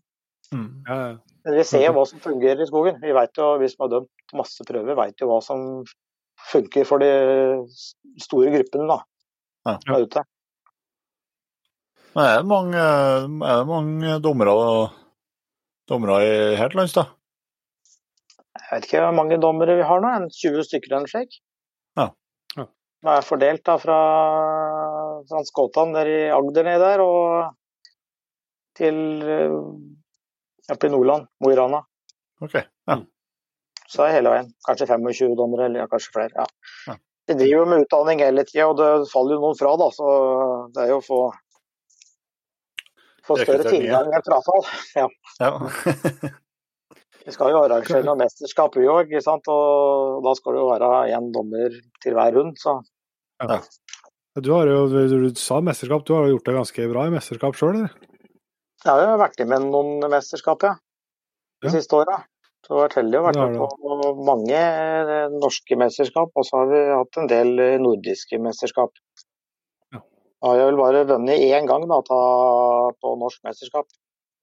Ja. Eller bare, det er feil, feil å ja, si det. Men uh, vi har havna på pallen flere ganger på flere andre- og tredjeplasser, da, så ja. da kan jeg si bare. Ja. Ja, ja, men det er jo sikkert, når du hører momentene der, så skjønner du at det er jo små marginer. Selvsagt, da du skal ha litt tur med å finne de rette fuglene og, og ting som klaffer sånn. da. Det er jo selvsagt vil, ja, den, beste, beste hunden vil jo alltid være, eller vil som regel gjøre det bra, men den kan jo være uheldig med, med fuglene, som, eller at det ikke finnes fugler for den del òg. Ja, ja, ja. Så veit du at det skjer jo ting på prøva, at, eh, at hunden har jobba med fugl, men det kommer ikke på papiret. Nei. Nei. Det skjedde for langt borte, eller det er uh, Huggfuglen er for lett da, ikke sant, og ikke vil sitte, så kommer vi mm. oss ikke inn på konstatert det arbeidet. Nei. Og så er Det jo da, altså, det er ikke bare hunden som må gjøre jobben, altså, men den dommeren du har med deg, må jo ha oppfattet det som har skjedd òg. Ja. Det hjelper ikke alltid om jeg ser at den tiuren drar fra tre på 50 meter, hvis ikke dommeren har sett det. Nei. Så dommeren må jo få med seg det, han òg. Ja. Og han går jo da ofte bak meg, da, ikke sant? så jeg går jo litt lenger fram når jeg fører hunden inn i skogen. Ja. Mm. Så det er flere momenter. De har både god hund og gode dommer. og Alle må ha god hørsel og godt syn. Så dommeren må være litt sånn finspetsen i seg sjøl, da. Ha gode, gode satser. Avla rett? Ja, det er avla rett, ja. ja. Men vi har jo snakka mye finspets uh, nå, uh, Kent. Men uh, det er jo, det jo Nordbottnspetsen. Ja, Nordbottnspetsen er jo i samme klubben vår, da. Ja. Vi, har, vi har en felles klubb. Ja. Mm. Og det er jo treskjellere alle. Begge to er jo treskjellere. Det er noe annet altså, som Ja, det er, det er samme, samme prøveform. Det er samme ja, prøveform, det skulle jeg si. da. Ja. Eh, da andre raser, Det er jo flere hunder som eh, loser mot tre.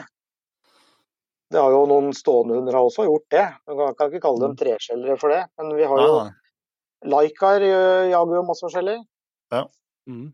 Eh, det har vel vært Lundehund er jo også er noen man ønsker å kunne dra fram som en norsk variant av spetsrasen, da, på en måte. Ja. Mm. Men det er, det er, ganske mange år med avl. For Finland har nå Finnspetsen. Og det er jo Nordbottnspetsen er jo Sverige sin variant av spets, da. Ja, ja. Mm. Og det er jo noen som har tenkt at Lundlund kanskje skulle bli den norske varianten av spetsen.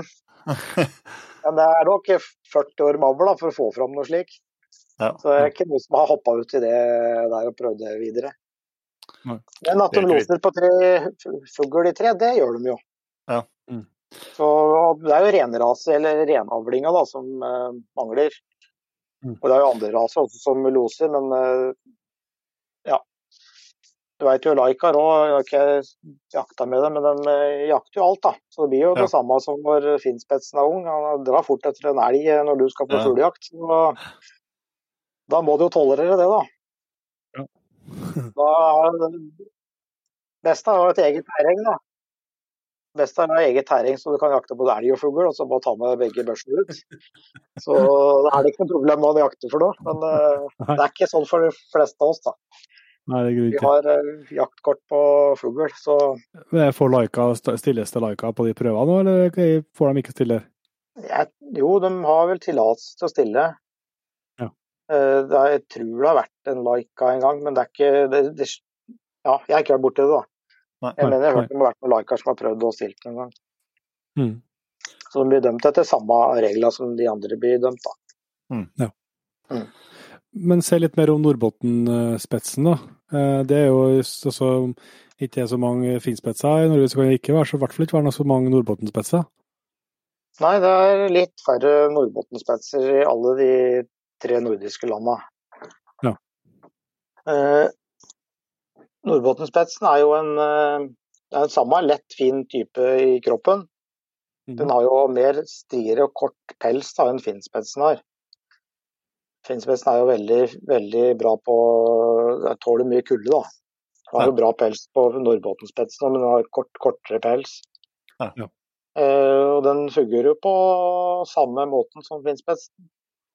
Ja. De har jo tidligere hatt litt eh, dårligere losterskel, altså de har ligget litt lavere, som også gjør det vanskeligere å smyge inn på losen. da. Mm. Ja. De har hatt, eh, driver med avl der også, klart, så det har vært noen drevloser og slik som man, man har forfølging. da. Det har jo også vært på finspets på noen, men det har vært mer på nordbåtspets at de loser når de forfølger fugl. Ja. Mm. Og da ødelegger man jo for seg sjøl. For da, Ja. hvis du loser, så hører du ikke innslaget. Nei. Og da får du færre, finner du igjen er færre fugler. Ja. Mm. Så det er jo en ulempe som hunden ødelegger da for seg sjøl i skogen. Ja. Det er jo fin, eh, veldig fin rase. Den er eh, litt fremadstormende for tiden. Ja, Det, er veldig, det kommer flere og flere individer til Norge og flere steder som gjør det veldig bra. Så bra. Så er eh, stor konkurranse mot uh, Nordbottenspetzen for Finnspetsa om dagen. Kon konkurranse er sunt. Ja, stor konkurranse på det, så så det er jo litt sånn intern humor på dette her da, i klubba, så klart. Så, kan jeg tenke meg. Det er vel eh, eh, vi, får, eh, vi får noen eh, meldinger vi òg, som eh, i, i den retning vi forskjeller, forskjellige, om ikke mellom Finspets og Nordbotten, så er det i hvert fall noe, ja, nei, noe spørsmål om hjemtun og gråhund eh, ja, ganske jevnlig oppå på bordet her òg. ja, det, ja, det er helt naturlig. det. Man skal jo ha litt humor, da. Det er jo ja, er erte hverandre litt, erte hverandre litt. og Vi er jo en liten klubb, så vi kjenner jo alle som deltar på jaktprøve, så har vi jo prata med flere ganger oftest. Ja, ja. Så vi prøver jo å få flere inn i miljøet, Mm. i miljøet da. Mm. Det er et bra, begynner å bli et bra miljø, begynner å bli et bra miljø sånn sett i Norge, eller? Ja, det er et bra miljø. Spredd Mm. over store, store geografiske områder. da. Ja. Det Hovednedslagsfeltet for Spetzer spets- og skogsfugljakta er jo langs svenskegrensa oppover. Ja. Ja. La til Mjøsa, eller altså, også opp fra Finnskogen og nordover. da. Mm. Men det er jo godt med fugl mange andre steder, både vest for Mjøsa og flere steder. Men eh, du må være, ha kommet til et godt område for å få trent inn en hund, ja. Så gjelder det Ja, andre ting på det. Ja, ja. ja. jo, jo, for all del. For all del. Jeg skjønner ikke, altså når, når, eh, når svenskene og finnene altså, Når både svenskene og finnene har fått til gode, gode treskjellere, så skjønner jeg ikke helt hvorfor, hvorfor eh, at vi, vi norskene skal finne opp kruttet på nytt med Lundund heller, da. Nei, det er vel det morsomt å ha en ny Ja. egen rase, da. Ja ja, det Men det, det er jo folk som har undersøkt litt og ønsker å dra fram. Eh, Men de bakker jo bakover når de liksom har, hører hvor mange års avl det egentlig dreier seg om, da, for å Ja. få prega hun over til noe, noe nytt, eller rendyrken. da. Ja. Du ser jo da på Finnspetsen, ikke sant? Det, er, sånn, det er jo 200 år siden vi drakta noe særlig med ekorn. Mhm. Det hjelper ikke det, hjelper ikke det skogen, altså. Det er ekorn. det er jo ikke noen som har levert pelsverk av ekorn på ganske mange år, tror jeg. Så det er, det er vanskelig å få ut da, ikke sant, av hundene. Derfor preger de nye retninger. Vi vil ofte ha, ha mye i seg. Jeg er ikke en sånn ekspert på avl og på andre raser eller endre retning på det, men eh, du kan jo blande to raser sammen nå, da. Inn i den du vil uh, ha videre fram. Mm. Ja, det er klart. Det tror Og jeg også at også- sleit litt med med noe innavl og noe sykdommer òg. Det var vel eh, Det blir vel gjort flere sånn som blander inn noe for å få frisk opp noen gener. Ja. Noen raser blir, blir for små. Ja. Mm. Så det kunne ha hjulpet, hjulpet Lundehunden. Ja, fant på de flere bruksområder, på en måte, så kunne det hjulpet Lundehunden i seg sjøl. Mm. Ja. Men det er mye jobb, tror jeg. Og mange nok, kull som skal eh, gjøre noe med det. Mm. Ja. Men at du kan skyte fugl for Lunde, det kan du. Det er klart. Ja, altså, det, er klart det, det krever jo som du sier, lang tid. Men da, det, det er ikke nok at det er én som holder på med det, for at de kullene må ut og jaktes med og, og tilbake igjen. Men det, altså, så klart så er det akkurat det elementet som du snakker om, det er én ting å måte lære eh, en hund eh, noe der, der aktiviteten foregår nært, veldig nært deg som fører. da. Uh, sånn, sånn type sporing og sånt. Uh, og det skjer noe man får til med mange forskjellige raser i, i eh, som de bruker, altså både politiet og Forsvaret bruker, og redningshunder og alt sånt. Men det er klart at det som du sier, akkurat det elementet med å stoppe og lytte og, og oppsøke det treet og, og, og, og springe under der og begynne å skjelle, det er en del sånne ting der som ikke eh, som, som du ikke, rett og slett ikke får lært den. da. Sant? Det må bare den, den polletten må dette ned sjøl. Ja, det, det er en helt nødt til. Det eneste vi har gjort, er å felle fuglen som kan gi en belønning og gi ros når du gjør riktige ting. da. Mm. Ros fugler alltid, men det kan jo ikke en hund som ikke loser på tre. Den kan jeg ikke gå bort og lose på tre for Nei. at den skal skjønne hva som skjer. Man må jo, må jo først lose det sjøl, på en måte, men gå fra, da. Så nei, det er eh, Det er ikke så lett nei, å få fram en ny rase. Men jeg må si at jeg ble litt overraska når du snakka liksom om, om lostida på prøve. Jeg hadde tippa at det var lengre eh, lostid, men klart jeg er vant til å tenke på tenke helg, liksom, og da er jo, er jo så mye lengre lostid. Men klart her er det jo flere situasjoner sånt, som, som kompenserer for det. Så sammen så blir det jo litt eh, tid, men eh, hvor blir det mye praktisk jakt, da? Hvor lange loser kan du oppleve da, hvis det er krevende å komme inn på og finne fugl og sånt? og så kan de stå der Jeg vil, tro- jeg vil tro de kan stå og lose lenger enn en ti minutter hvis, det, hvis, fugl, hvis fuglen trykker og sitter. Ja da, den kan stå og lose til den blir hese, den. Men, eh, ja, så det er ikke noe problem. Nei. Så, når de har vært inn- innjaget, da, så kan vi jo snike på en los i en time. Ja. Ikke finne fuglen. Og det kan være fugl du har sett har slått inn. Det er en eh, fantastisk egenskap den fuglen har. Altså, det virker som det er noe steltteknologi, noe kamo som, ikke, som er helt utrolig. Du kan jo stå på ei hogstflate og se fuglen ta opp eh, en tiur, og så slår inn i en sånn type beitefuru som glissen bare som krone. Når du ser på dette på 40 meter og ser fuglen, fuglen lander, da ser du fuglen, og så går det to sekunder, og så er den borte. Ja. Lurer du på hva som skjer, og du veit akkurat hvor den har landa hen. Mm. Og Så kan du ta opp håndkikkerten inn og kikke, og da er den fortsatt borte. Da lurer du på hva som skjer. Og bikkja begynner å lose, da. Så det er ikke så lett alltid. Den lander på furukvist og blir borte, liksom. Og det er tiur, altså 4,5 kilos skapning som flyr og bråker ganske mye når den eh, slår inn. og Ja, ja. ja, Vi var borte i baret. Ja. Det finner den ofte igjen da, hvis den ikke velger å dra, da. Det er klart. Du får litt, kikkert får litt, stikker oss inn og kommer fra andre vinkler, så finner du ofte dem. Så. Så flytter de med seg litt på kvista og slikt, da, ikke sant. Så de sitter ikke akkurat der de slo inn, så klart. Nei. Nei. Den har jo litt problem, problem med å flytte seg i tiuren uten at du ser det, da. Litt som, som Gjerpen, som eh, du som er ivrig jerpejeger, Jon Inge, du har jo mye erfaring med at jerpen går, går rundt i stammen ja, ja. når du fører og går etter. Ivrig jerpejeger, det har ikke jeg blitt kalt før. Det skulle jeg blitt. Okay. Nei, det er vel det er noen i spesmiljøet som også har fått det, det ryktet. Ja, Finspess eh, loser jo Jerpe, så det er jo et lovlig losobjekt for oss på prøver. Så klart det. Det er jo Det blir ikke så lange forfølginger. eh, Det blir ikke så lange forfølginger, og de sitter ofte veldig kort tid i ros. Ja. Det blir mye flying fram og tilbake, og til slutt så gir de kjapt som regel. Det er, det mest flaksing og plystring, og så blir det opp. Det blir så dårlig lukt da, at man flyr fram og tilbake, så er det litt lukt overalt. Der det har vært jerper, ikke sant. Ja, Ja, ja. På bakken og har vært i kull, så er det jo det lukt alle steder. ja dæven, da. Det er faktisk helt overbevist om at jeg har hørt gang eh, når vi var i Sverige og jakta mens jeg hadde stående fuglehunder. Og det var, det var så enormt med jerpe der. Men ja. det, hundene tok så stand på dem, sant? men de, jo, de bare hopper jo bortover, da. Litt og litt. Og jeg er helt overbevist at en gang så hørte jeg hun isletteren at hun knurra på, på en jerpe. Men det hørtes ut som hun var rett og slett irritert, altså. For at det, det har liksom hatt mange stander, og så klarer hun ikke å la være her, da. Må jo må ta stand.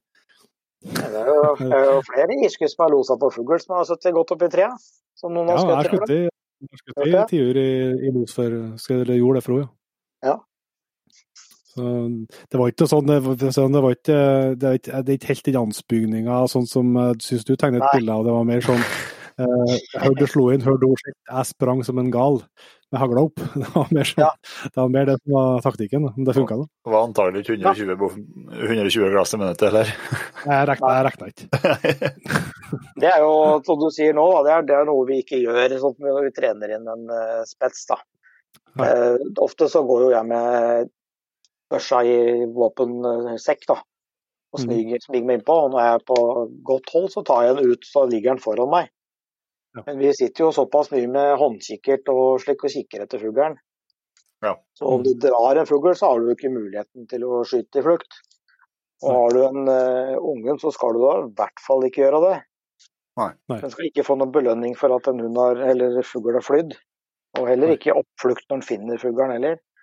Så gå med våpenet i sekk eller reim på ryggen, det er eh, sterkt å anbefale. Så ikke den der støkkjegeren plutselig stikker fram i deg. Fristelsen blir for stor. Ja, det blir det. Og så er det lett for at hvis du går et kull, da, så bikkja forfølger en fugl og får los, og så har du jo sett at det lander uh, fugl på flere av kvista. Så skal du heller ikke Mm. skyte der hvor de, den hunden ikke loser. Du skal jo komme deg fram til det losobjektet. Du må jo belønne at den får det individet han ser eller har hørt eller veit hvor har landa. Mm. Mm. Det er veldig viktig. Og så viktig er ikke Mm. den der fuglen på sekken at du må skyte i hytt og gevær. Det er mye bedre og viktigere å få seg en god jakthund for åra framover. Det er faktisk det du er investerer i når du er i skogen. Det er å investere i framtiden du skal ha med en hund i skogen. Det er klart. Og der er, det- der er det noen som er litt for trygg-happy innimellom, da. Så må du jo slite, det ser du på andre raser, og det. Du må slite med skavanker du har si, lært hund da, i ung alder. Mm. Når Fristelsen Da blir ofte. Ja. da blir ofte søket dårligere på finspets kan bli. Kanskje du skyter i en oppflukt. Ja. Men trenger deg ikke eh, dra ut 250-350 meter for å se etter fugl. Da kan du løpe rundt deg, for når det letter, så detter det en fugl. Ja, ja. Ja, Ja, så det blir jo litt feil. Ja. ja, Da, da man feil, da må feil hund. Da har du valgt feil. Det, det, du snakka litt eh, om når vi snakka våpen i, tidligere, så snakka Ja. litt om eh, toppjakt òg. Eh, så bruker du, har du med finspetsene dine på, når du er på toppjakt, hvis føret tillater det, eller? Ja, det, Er det- det må alt- alltid med på toppjakt. Det er ikke sikkert de blir sluppet hver dag. Det er jo Nei. djup og tung snø, så er det kan være veldig tungt for en skinnspets å gå i snø. Ja. Ja. Vi går jo da i, i løssnøen og med breie ski, så de detter jo ganske godt ned i skisporet vårt bak oss. Ja. Så det er jo ofte det som skjer, de blir gående bak oss. Ja. Men de gjør ofte nytta si der òg.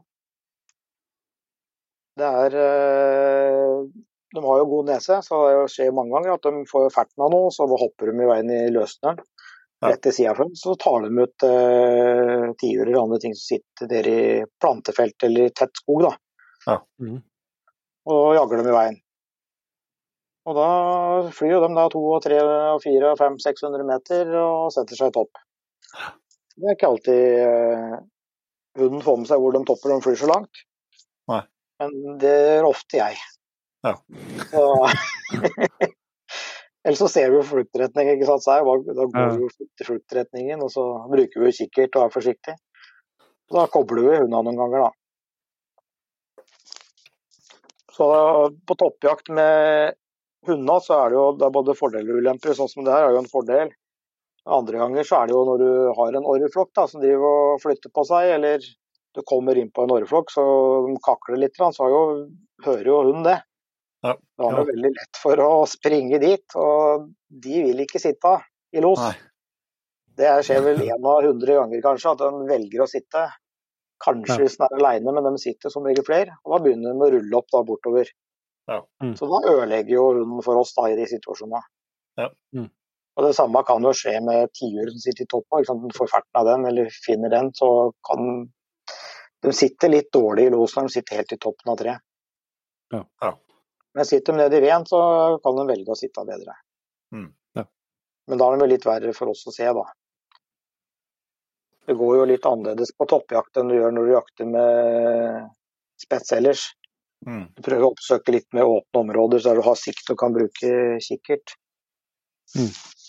Men mange misforstår jo dette her, da. At når de, de tror at jakt med spets er toppjakt. Ja. Men det er det jo ikke.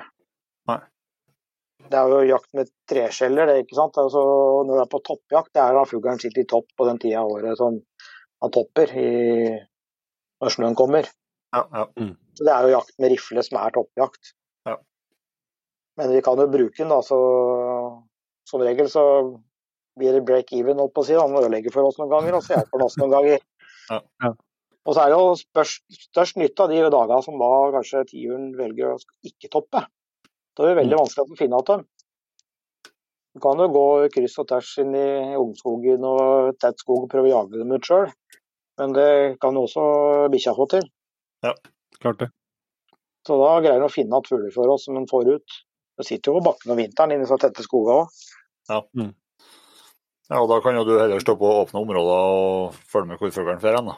Ja, jeg går i kanten, og så hører jeg ofte hvor de drar, drar ut. da. Ja. Så er det egna område, er det bare tett skog videre, så ser du jo ikke hvor de topper hen. Nei. Nei. Men da har jeg fått en liten belønning, at vi veit at det var tiur der, eller fugl der. Ja.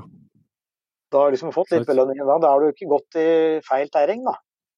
Nei. For det er jo ofte sånn når du går på toppjakt aleine, så øh, tror du det er fugletomt. Men det er ikke det riktige været å føre den dagen for at fuglen topper. Nei. Og så kommer man dagen etter, og det sitter tiur overalt. Veldig merkelig, men veldig fascinerende. Klart det. Nå, Kent, har du nevnt uh, håndkikkert og GPS og greier. Uh, vil tro uh, håndkikkerten eh, Jeg hører nå at den brukes, brukes eh, jevnt og trutt. Ja, Den brukes hyppig, ja. Det er mye enklere å ha en håndkikkert rundt halsen enn å bruke den som sitter på kombin. Ja. Da blir du lang i armene etter hvert. Så det, det første Mm. en spets, eller spetseier skaffer seg, det er jo en håndkikkert. Ja. For Da jobber du mye mer effektivt når du skal kikke over trea. Hvilken kikkert har du, da? Jeg har en uh, Swarovski L-range, 10-42. Ja. Litt stort i spetsjakt, men da fungerer den også helt supert til toppjakt. Ja. Ja.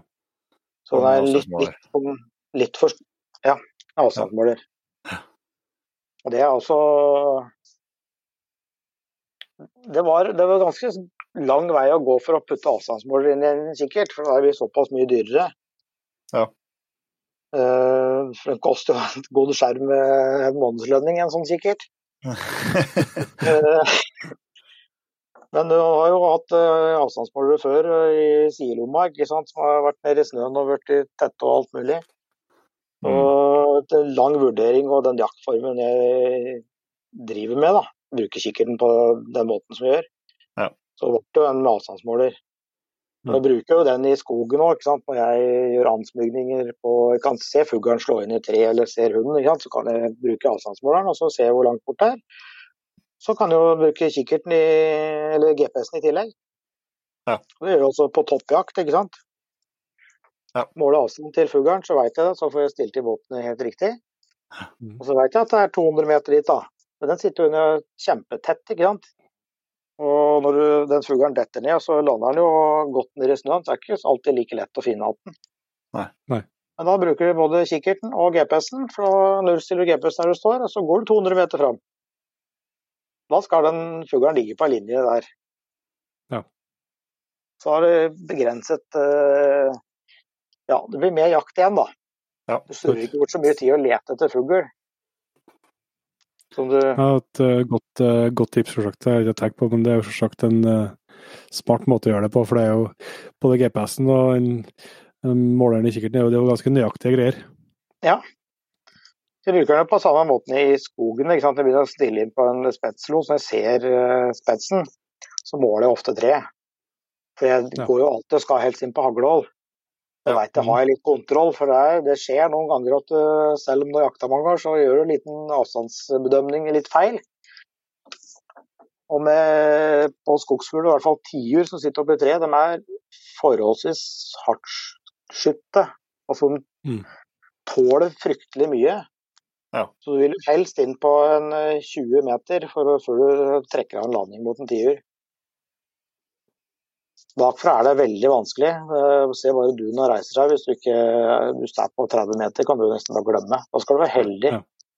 Og fra sida da, så har du en ganske kraftig vinge òg, ikke sånn, som sitter og dekker hele sida. Mm. Mm. Det er annerledes når du er i flukt, for da treffer du den eh, tynne huden på undersida. Ja. Mm. Det er ikke sånn den sitter på kvisten når vi eh, går fram. Nei. Så jeg, vil ikke, jeg skyter ikke på tiur bakfra. Nei. I så fall sitter jeg og venter og venter og venter til uh, han svinger på huet så han står til sida, så jeg kan sikte høyt opp i halsen eller noe sånt. Ja. Så jeg veit at jeg får inn et bra treff. Ja. Et ettersøk er ikke noe morsomt, og du må jo prøve å unngå for alt der. Klart det. Men det er jo det er på den måten man kanskje har lært, da. ikke sant? At uh, du var på under 20 meter, og du trekte av, og du så bare duna reiste seg på ryggen, og så bare dro den. Mm. Og så satt, var det kanskje på en liten kul, da, og da, vet du, da drar den jo ekstra langt. da. Mm. Og bikkja ikke hører hvor han lander, så det er veldig kjedelig. Ja. Dette er ikke noe sånn som vi som jegere ønsker. eh, Vi ønsker å finne bytte og avrette det så fort som mulig da, når vi først jakter. Helt klart. Ja, altså, det er jo ikke at dere Det har han jo sett hvis han har litt fugl, altså, hva som kan skje. Altså, de, altså, det, det får de jo alltid til. De får luft under vingene og klarer å stive av. Ja, så kan de jaggu altså. ja. Altså, kikkert, er, kikkert er viktig for oss i skogen til å bruke på alle mulige måter. Og så er det jo noen her nede da, som eh, ler litt av oss eh, som, som bor oppe i Nordbotten og slik. Der er det jo eh, tynnere skog. Granene er jo ja, I bånn så er de en halvmeter brei i bånn. Det er bare sånne smale Ja. graner. Så når en tiur setter seg inn i en sånn gran, så stikker den ut på begge sider. Så der er det jo Der bruker vi mye med kulevåpen da, i mange mye av terrenget, og bryr seg ikke så mye om å kamuflere seg så mye. Gå stille inn mot losen, da, men det kamuflerer seg ikke så mye. Men her nede hos oss, da, vi som virkelig vil leke jeger og indianer i skogen, vi bruker litt mer ansiktsmaske og slike ting. Dekker Hansker og og Hansker òg, ja. Jeg har jo sittet på jaktprøve ikke sant? og kommet inn på losen og sitte og vente på at det skal gå fulltid. Så kan du bare ta ut den hvite hånda di og stikke ut på treet og så bare bevege litt. Og det er nok til at turen drar. Mm. Mm. I mange tilfeller. Så når det er veldig vare, så det er ikke tull å kamuflere seg, for å si det slik.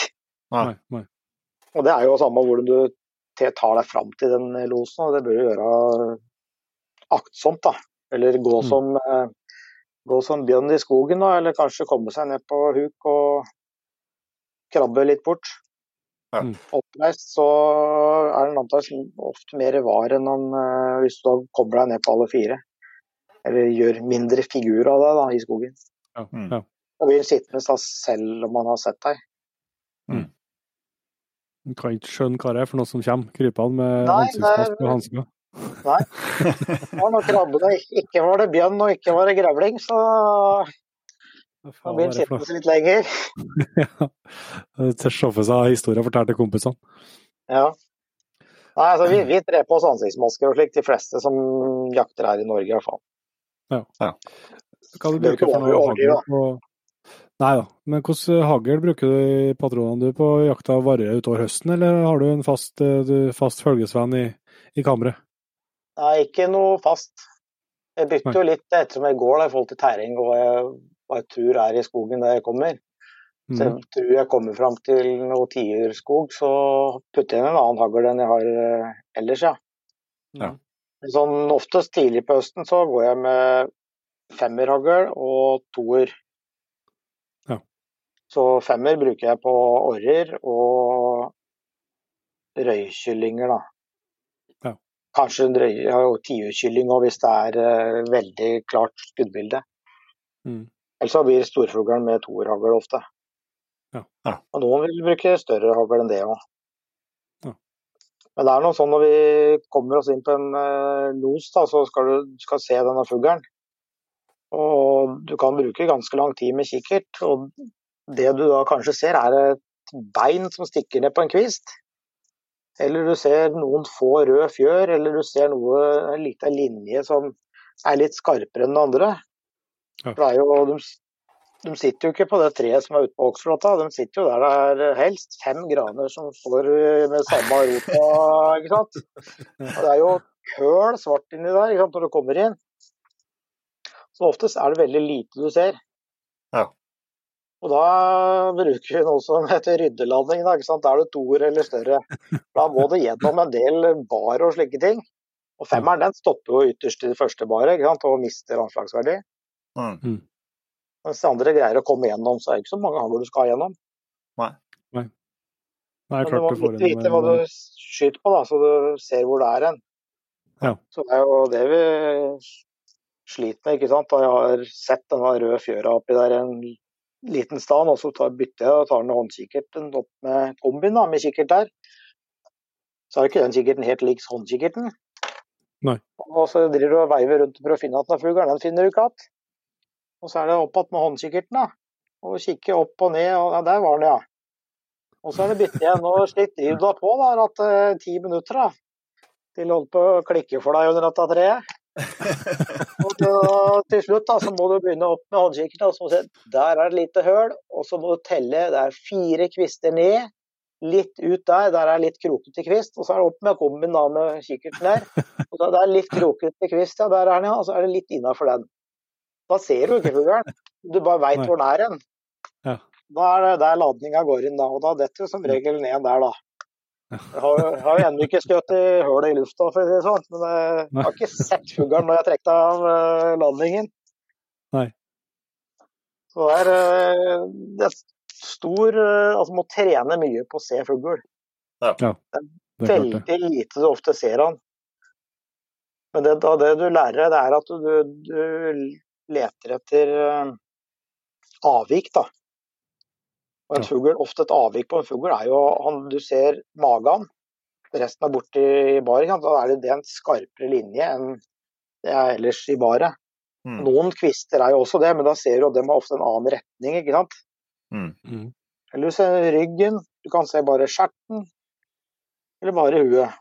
Men ser du bare midt i sida på den, da, da er du avhengig av å se noen farge. Mm. For å kunne skille ut fra det mørke som er oppi her. Så det er ofte noe av det jeg planlegger på vei inn til losen. Jeg Ja. sørger for at jeg aldri går mot sola. Uansett hva slags eh, los jeg skal inn på, eller hvor åpent det hvordan terrenget er, så skal jeg inn fra sida. Eller altså ikke mot sola, da. Hvis du har vært i skogen og du kikker mot sola, så snur du og kikker andre veien, så ser du når du kikker andre veien, så ser du alle fargene på trea. Og når du kikker mot sola, så er alt svart. Alle trær. Mm. Mørk, mørk grønne.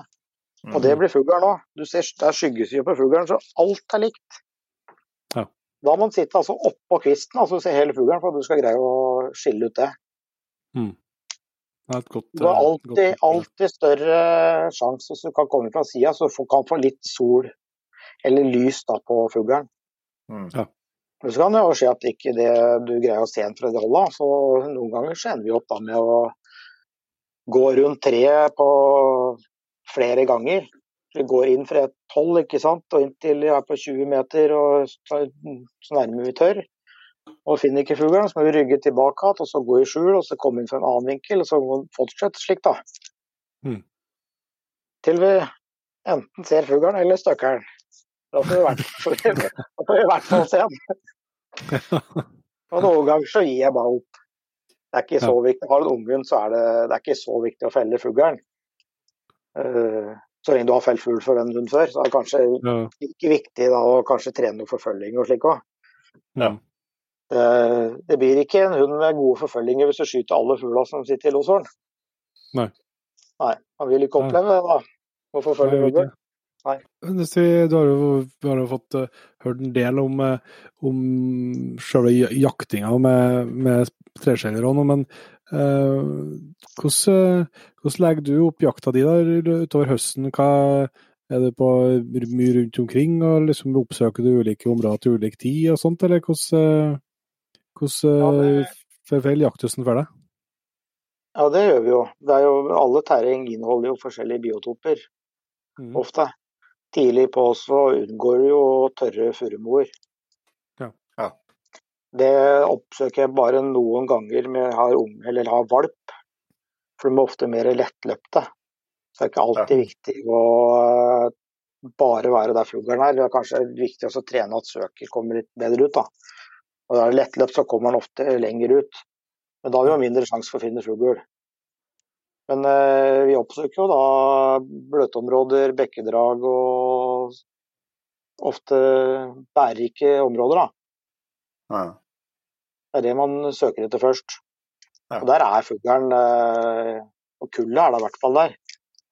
Men der er også fuglen eh, lenger utover øst nå, som begynner å bruke større og større områder. Og så er det alltid noe avvik på dette her. Plutselig så er det sitter et kull oppå en furumo, ikke sant. Men den eh, har nå både vinger og bein som flytter jo på seg, så Men man bruker jo primærtida si på de beste områdene, de såkalte beste områdene. Ja. Og det ser en jo ofte da når vi jakter der vi har vært kjent òg, så går vi over i områdene, så finner vi ikke fugl. Og da må å analysere. Hva, hva gjør vi feil? Her var- pleier det å ha vært kull her fem år på rad, liksom. Ja. Men da, er liksom, da kan det jo ha vært været den sommeren, da, at det har vært uh, veldig bløtt. da. Da kan jo fuglen ha trukket litt oppover lia, så sitter høyere. Eller så kan det ha vært sånn som det har vært de siste åra, det har vært veldig varmt. Da er det jo tørt ned på mange av myrene, og så sitter de ikke i kanten på myra. Da sitter de heller på skyggesida av berget, f.eks. Som ikke er naturlig ellers, men der er det ofte mer bær, da, for i solsida så er det dårlig med bær. Så det er jo å analysere litt hvor er bæra hen. Mm. Det, der vil ofte fuglen komme. Og så vil den jo søke varme eller søke det som er kjølig, avhengig av hvordan sommeren har vært. Dette gjelder jo alle raser, så det er ikke noe unikt. Dette er jo sånn for nei. stående hund for alle. Men um, det er mange gode stående hund på skogen nå, ikke alle brukes ikke på fjellet. Så det er jo eh, Man må jo lære seg terrenget sitt. Mm. Ja.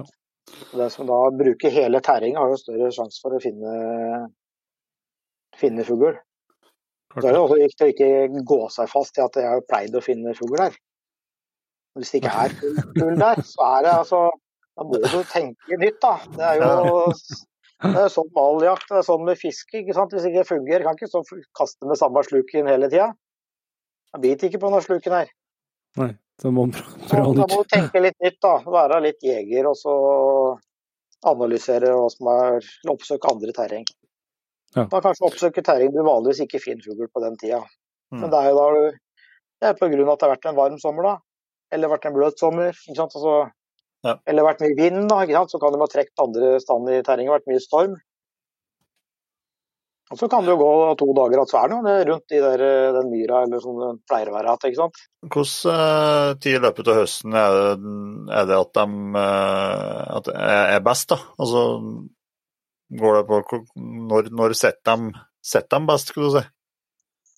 Det er klart at tidlig på så er, vil jo kyllinger ofte sitte veldig bra. Mm. Ja.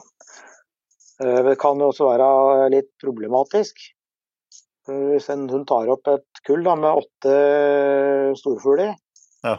blir det jo mye fugl som sitter oppi, rundt oppi trea på samme sted. Ja. Og da gjør det også veldig vanskelig for oss å komme inn på og skyte den som fuglen loser på. Spesielt da du har unghund, da, ikke sant? så skal du Ja. skyte den riktige fuglen. eh, og Så støkker du fugl på vei fram på de losa. Så ødelegger du situasjonen. Så selv om fuglen sitter bra da, så trenger det kanskje ikke være det mest optimale? Nei, det, ikke, det kan øh, det er, Når man sier det er et orrehelvete hvis det er bra orrehøster. Ja. Det flakser jo alle steder. Røyen flyr fram og til, eller hønene flyr fram og tilbake. Og skal de lokke med seg hund. Og det greier de jo ofte da, hvis det er en unghund. Ja. Drar han bort fra den fuglen han veit sitter, og så flyr jo høna da langt pokker. Så sitter jo masse kyllinger inn, igjen oppi trea da. Ja. Du er såpass nærme at du veit om dem. Du veit at det sitter i hvert fall fire-fem stykker der, for du har hørt dem og alle har slått inn. Da hender det ikke blir noen ting ut av det, da. Nei. Men så blir jo kulda litt sprengt. så blir det jo Det er litt vanskelig når de er nysprengt i noen dager, men eh, etter hvert så begynner de kyllingene også bevege seg litt mer og samle seg igjen. og Da blir det jo lettere igjen. Ja. Så det er, det, er fin, det er fint for ungen den første perioden, da. For du får jo mye situasjoner, du får kull og mye lukt på bakken. Mye fullt. Alt sitter jo på bakken. Ja. Og så er det jo da egentlig veldig bra da fram til uh, løvfellinga på høsten.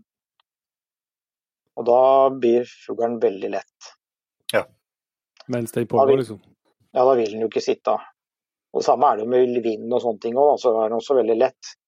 Det kommer jo ofte samtidig på høsten. Ofte det blir jo vindperioder og løvfelling på samme tida.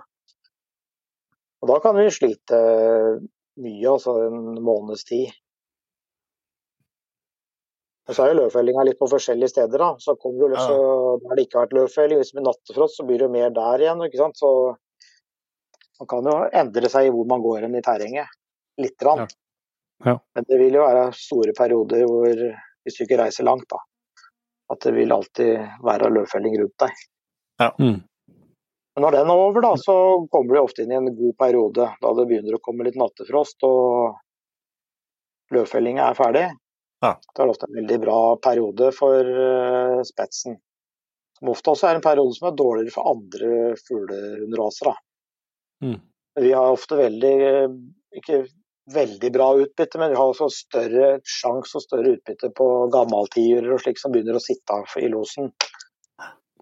Så det er en veldig spennende periode vi kommer inn i etter løvfellinga og helt fram til jul. Mm. enklere å se, må det være? Ja, også litt enklere å se. Du får litt sikt på lengre hold òg, når du har fått bort mm. mye løvverk. Mm. De har jo gitt dem god skjul på høsten, ikke sant? men det er ikke alltid det er optimalt. da, For det er jo i veien for kikkerten og alt. ikke sant? Det står jo alltid i veien mellom deg og tre ikke sant? når du skal finne at fuglen Det er alltid der de ikke skal være, dette er løvtrea. De har en tendens Ja, det er alltid sånn. Eller i skuddbildet, da, ikke sant. Ja, ja. Nettopp. De gir det litt skjul, ja, ja. tenker jeg. Ja, ja, ja, absolutt. Så det er, noe, så det er veldig, veldig spennende tid da på senhøsten, og da begynner jo tiurkyllinga å bli ganske store òg. Ja. ja. Så det er jo fort oppi over tre kilo dem òg, ikke sant. Ja. På senhøsten. Så, og de begynner også da å skjære i nebb, ikke sant. For de må jo lært, lære seg dette i løpet av høsten, å skjære i nebb.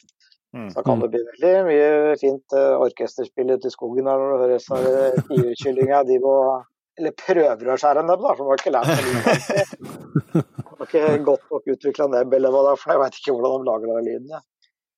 Men uh, det er veldig gøy, for de kan være veldig hissig på skjæring i nebb og gi låt fra seg. Og det ja, ja. erter jo opp spetsen ekstra, da. Du hører jo det på losen, da, så øker den losterskelen ofte, ikke sant? så er det, da er det full musikk. Ja. Og den kan jo sitte og trippe og gå fram og tilbake på kvisten nå, ikke sant ikke er like sky som de gamle gammaltivere er. Mm. Nei, det er en fantastisk fin periode. God temperatur er det å være ute, både for ja. hund og for folk. Og... Jeg, jeg, jeg syns jeg hører litt mellom linjene, Kent, at for deg også er, er tiuren noe ekstra, ekstra, med den. Men hvordan er det liksom for hundene og det, og det som blir sittende i los? Er det stor forskjell på, på storfuglen og orrfuglen? Eh, kanskje litt lettere? Og, og, hvor stor forskjell er det mellom tiur og røy? Liksom, er, det noe, er det noe skjønner at det ikke gir noe fasit, at det vil variere, men er det noe sånn mønster i? Ja, det er ofte det. Og det vil du kanskje merke på noen hunder lærer seg faktisk. Eh, en orre vil kanskje ikke sitte i en uh, hard los, altså en Nei. rask los. Krever litt lavere losterskel, og det er noen hunder som kan lære seg etter hvert, hvis de har en høy losterskel fra før. da. Mm. Mens uh, tiur og røy sitter ofte i en uh, mye hardere los. Ja. Og det, altså 120-140 og slik. Og det vil, Hvis hun har lært seg dette, der, så har hun skapt seg et stort fortrinn. For det man ofte mm. ser, da, er at orren begynner å reise seg og begynner å trippe litt på kvisten. Det er rett før den drar. Ja. Det gjelder jo alle fugla. Ja. Hvis en da ser det og greier å bremse losen sin litt ned, da har du en eh, unik hund. Det er jo ja. veldig få hester som lærer seg det, men noen kikker ikke så nøye opp i treet, de loser på lukta, ikke sant? mens noen sitter og følger med og bruker både lukt og hørsel hele tida mens, eh, mens, de loser. Så det er hva hunden lærer seg, da. Mm. Så ja, det er forskjellige individer, dette her òg. Ja. Tiuren, da, en, øh, den skjæringa her, altså Tror du det er det for å liksom markere seg, liksom, for å si ifra at jeg er ikke redd, tror du, eller? Det er sånn at du ikke vet det, kanskje, men, men det, Nei, liksom, jeg, jeg har ikke prata så mye med disse tiura, så jeg er ikke helt sikker på Nei, Jeg har ingen anelse. Det er vel et svar, da. De føler seg trygge. Jeg, veit ikke. det er fascinerende. Ja, det er veldig fascinerende. Så, så tidligere, og når det er, eh, du hører det skjærer i en gammel tiur eh, dab langt bort, så blir du litt ekstra forsiktig i skogen. Ja. Den, den har du eh, ofte Den tiuren har kanskje ikke sittet mer i et minutt i lås liksom i flere år. Og nå sitter den. Nå sitter den endelig, når det har gått fem minutter. ikke sant, Sitter fortsatt. Og skjærer litt i nebbet. og Da Da- dukker den jegeren fram i kroppen. Altså, da blir den Da får han Kent trua. Ja, da får jeg trua. Og så veit at hunden blir stående, så du har en innjagerhund, og du veit at den blir stående så. Da Ja. kan du bruke god tid. Ja. Da skal alle, hele indianerspekteret og hele jegergreien inn. Og bruke alle sanser og bruke alle skjul. Og ikke tråkke på noen kvister eller noen ting på veien. Men det syns du sjøl på dine egne hunder, altså, derfor du har jakta mye med, da, så at du klarer å, å høre uh, antydning til hvilken uh, fugl du har med å gjøre? Ja, det hører du ofte. På tiur eller orrhaner så har du tidlig så blir det ofte høyere losterskel. Ja. Uh, vet ikke om jeg skal si det, men jeg kan kanskje oppfatte at uh, Finnspetsen er litt rasist. Han, eh, det, det merkes når du møter en svart elghund òg, skjønner du. Og andre svarte hunder, eller andre, andre ting som er svarte, for å si det slik. Ja. Så da er det lett for å reagere på det. Ja. Det er mitt inntrykk. Og sånn er det da med tiur nå. Så han loser ikke like hardt på eh, røya som vi gjør på tiuren ofte. Så ja, jeg er litt rasist. Smule. Og det er greit å få en bekreftelse i skogen at er, da er det tiur òg. Ja. Det Ja. herlig. Så kan det forandre seg litt. da. Jeg hadde jo en eh, gamla mi nå, hun hørte jo veldig god forskjell på hva som var tiur. Ja. Hun var veldig hissig og veldig tett los. Men så endret det seg når det ble fem år, så ble det litt annerledes. Så gira det litt ned. Men jeg fikk kanskje gira ned på andre fugler òg, så gira ned på alle, da. Istedenfor å fortsette like tett på tiuren. Så da hørte jeg litt dårligere seinere år. Mm. Så, men så lenge fuglen satt, så er det jo ikke noe problem. Nei. Og så har vi jo aldri hatt med noen i Jegerpodden Jon Inge, og snakka eh, skogsfugljakt eh, og tiur uten at det blir spørsmål om den her eh, femkilosgrensa. Ja, om den er, Og- om den er kryssa. Ja, om det er en myte, eller om det er hvordan det, om det er, om du har fått vært med på noen virkelig stortiurer. Ja, vi har vel eh, vært over den, ja. Ja, Vi må jo det hvis vi jakter litt ordentlig med tiur, så må vi krysse den grensa her. Er ikke, Er ikke, er ikke det et krav? Det er et Ja, krav. ja. er er jo- er jo bedre. Det er ikke tiurjeger før du har kryssa femkilosgrensa. Håper ikke, håper ikke støta noen nå, da. Nei, det, det er sånn gjennomgangs, gjennomgangstema her det er- som eh, Det er mange, mange tiur over fem kilo. Største er 5,3. Tøft. Så der. Ikke så mange Ja. av dem som har skutt for spetselos, da. Nei. Er det mer på topp, Eh, eller? Da er det mer på topp, ja. Ja. Ja. I de gode åra hadde det vært eh, gode fugleår for tre-fire år siden, liksom. Ja. Så er det jo mer flere av dem i de gode områdene. Mm.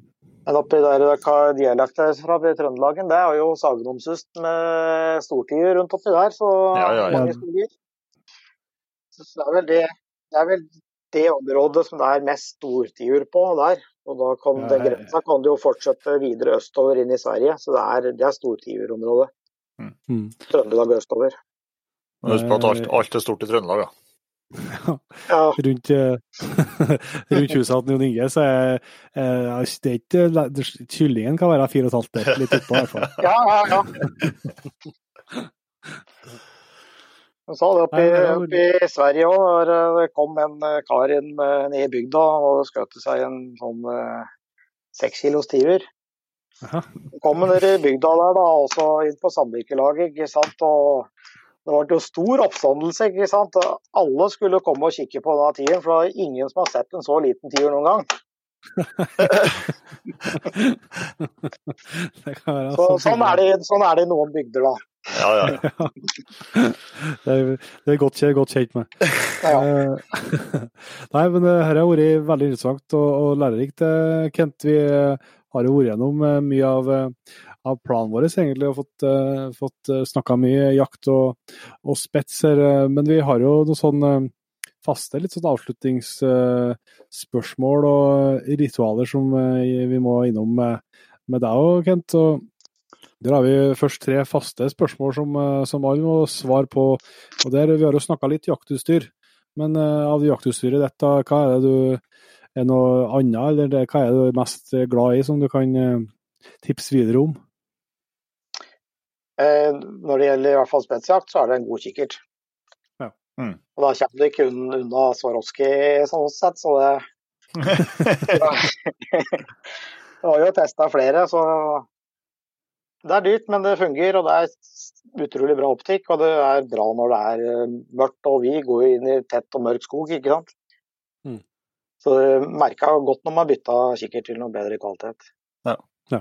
Så det er det beste kjøpet mitt de siste åra, i hvert fall. Mm. Bra. Det, det, det er ordtaket at du, du, får det du betaler for. Det, jeg tror ikke jeg kan komme på, uh, komme på en ting heller der det utspiller seg så mye som på kikkert. Nei, jeg tror ikke det. Det er litt avhengig av jaktform du skal bedrive, så klart. Ja, ja, ja. ja. Yes, da må vi få høre ditt beste jakttips, da. Mitt beste jakttips? Det, det må jo være nok, være nok ute, da. Ja. Mm. Det er nok ute i skogen. Bare for deg sjøl og for hund. Mm. Og så evaluere faktisk hva du gjør i skogen. For å bli en bedre jeger. Ja. Det er det altfor få som gjør. De har ikke evaluert verken hvor fuglen sitter, eller hvordan du har sneket inn på en los, eller hva du har gjort. Noen bare går innpå og har sånn godt på lykke og fromme, mm. og skjønner ikke hvorfor de da støtter ut fugl eller når vi ikke lykkes. Ja. Mm. Men du må evaluere faktisk det du gjør for å bli en bedre jeger. Mm. Og det er det absolutt sånn med finspett. Så er det som lykkes best, er de som faktisk er gode jegere. Mm. Det kommer ikke av seg sjøl alltid. Nei. Det må, tre, må, trenes alt som annet. Mm. Trene, trene sansene dine. Hørselen, du må bruke alt. Du kan ikke bare svime, svime rundt i skogen og uh, håpe på det beste. Må legge litt mer i det. Ja, får færre muligheter, rett og slett. Hvis du ikke har god nok Mm. jeger. Mm. Så er det å utnytte dem når du får dem, da. Veldig bra. Og så eh, jeg lurer jeg på hva som er din eh, største jaktdrøm, da? Nei, jeg lever jo min største jaktdrøm, jeg. Det er jakt med finspets. Det er ikke Det kan ikke bli like. Hæ? Det kan ikke bli Det Ja, det vært morsomt å ha vært borti Russland og jakta eh, din russer-tiura borti der, da. Ja. Det har vært helt fantastisk. Det er jo det Opphavet til rasen vår kommer jo litt fra borti der òg. Det fins Gammel, det der, jeg ser, litt annerledes ut borti der. Tiuren. Jeg vet det er flere som har vært og jakte der, så det har vært kjempegøy. Det er ikke Ja. bare å reise borti og fiske ørret og laks borti til Russland, det går an å jakte òg. Ja, ja. Ja. Så det er, det er en stor eh, jaktdrøm. Ja. Og kanskje også være med da på å felle de store rovdyra vi har òg. Mm. Eller få felle. Ja, Sant. Mm. Det er noe unikt med det òg. Absolutt. Og så har vi jo en sånn eh, fast tradisjon vi da, Kent, at vi bruker å avslutte eh, hver, eh, hver episode med jakthistorie. Og det, det Ja. høres jo ut som at du, eh, du kan ha noen på luringa, du òg. Ja, jeg har vel fortalt noen historier også, som var gode, men eh, Jeg må kanskje ta en om en unghund som jeg drev og jaktet inn, da, som jeg ikke fikk eh, skutt noe for. da. Jaha. Vi sleit, sleit lenge og støkka mye fugl og fram og tilbake. Og det er jo frustrerende da, ikke sant, å være jeger og ikke få felle for hunden sin når hunden har gjort eh, jobben, og du surrer bort noen situasjoner, og og som vi har, prata om her. Ja. Men da hadde hun fått opp et eh, kull, da, så jeg hørte det dro opp fugl. Så fikk jeg endelig eh, komme innpå den uh, fuglen. Og så sto jeg borti ei kjempediger skjørtegran. Så jeg kikket ut på ene sida, og der så jeg ikke fuglen. Så kikket jeg ut på andre sida, og så så jeg så vidt fuglen. Så flytta han seg litt, så måtte jeg tilbake til andre sida. Og så ja, da fikk jeg til slutt Shaun, da. Så jeg greide å lene meg over og skyte, og så datt fuglen rett ned. En uh, ordentlig fin blåhane. Mm -hmm. Datt rett, rett ned i uh, kjeften på bikkja Hun kikka på fuglen. Kikka opp i treet, kikka på fuglen, kikka opp i treet, og så begynte hun å boffe igjen. Og så kikka jeg på fuglen, opp i treet, og så begynte hun å boffe igjen. Og bare, Hva er det som skjer, tenkte jeg. Kikka opp i treet, og der satt en blåhane til. Og da, da dro den blåhana, så fløy den 200 meter, og bikkja i fullt firsprang etter den blåhanen. Og så ble det en ny los og ny ansmyging og ny blåhana på bakken. Nei, Så altså. fikk vi to sykehjemsvalg som satt side av hverandre oppi treet. Og jeg så ingen av dem samtidig. Og jeg, jeg, jeg trodde jeg så bare den ene hanaen. Jeg var da nesten bortom tre, tror jeg, og skulle riste i den fugla lurte på hva bikkja drev med. Så sto der og boffa opp og var ikke interessert i den der han som lå foran snutappa. Så sånn kan det være. Noen, noen ganger kan det være slik. Ja, ja. Men det handler om det som jeg sa, sa, sa tidligere her, det er å være nok ute. Den som er nok ute, får oppleve masse moro. Mm. Og nye situasjoner som du ikke trodde var mulig. ja. Den som, eh, den som tar flest lodd, har størst sjanse til å vinne. Ja, det er alltid slik. Det er sånn. Jeg får de beste hundene, blir de beste jegere. Yes. Du skal jo si tusen takk, eh, Kent, for at du hadde lyst til å, å stille opp og ta en eh, prat med oss og gjøre oss litt smartere på det som har med, med spetsjakt og treskjeller og, og finspets å gjøre, og, og skogsfugljakt. Det setter vi kjempestor pris på. Mm, takk. Det var veldig hyggelig å være med. Eh, kan du si at Hvis den som vil søker litt mer informasjon, da kan du få lov til å Ja. gå inn på hjemmesida vår eh, som heter nsfn.no. Mm. Der finner du også tilgang til eh, dommere og oppdrettere og alt mulig slik. Ja. Og det er bare å ringe oss i rasen for å spørre om å få være med en tur i skogen. Det er, vi elsker å vise fram jaktformen vår. Og det er godt egnet for å ha med seg folk og gå i skogen. Ja. Som kan være med på dette her ja. fantastiske jaktformen her. Og dere har jo aktiv eh, Facebook-gruppe, har jeg lagt merke til. Ja da, vi har aktiv gruppe der òg, så det er bare å Mm. stille spørsmål der òg.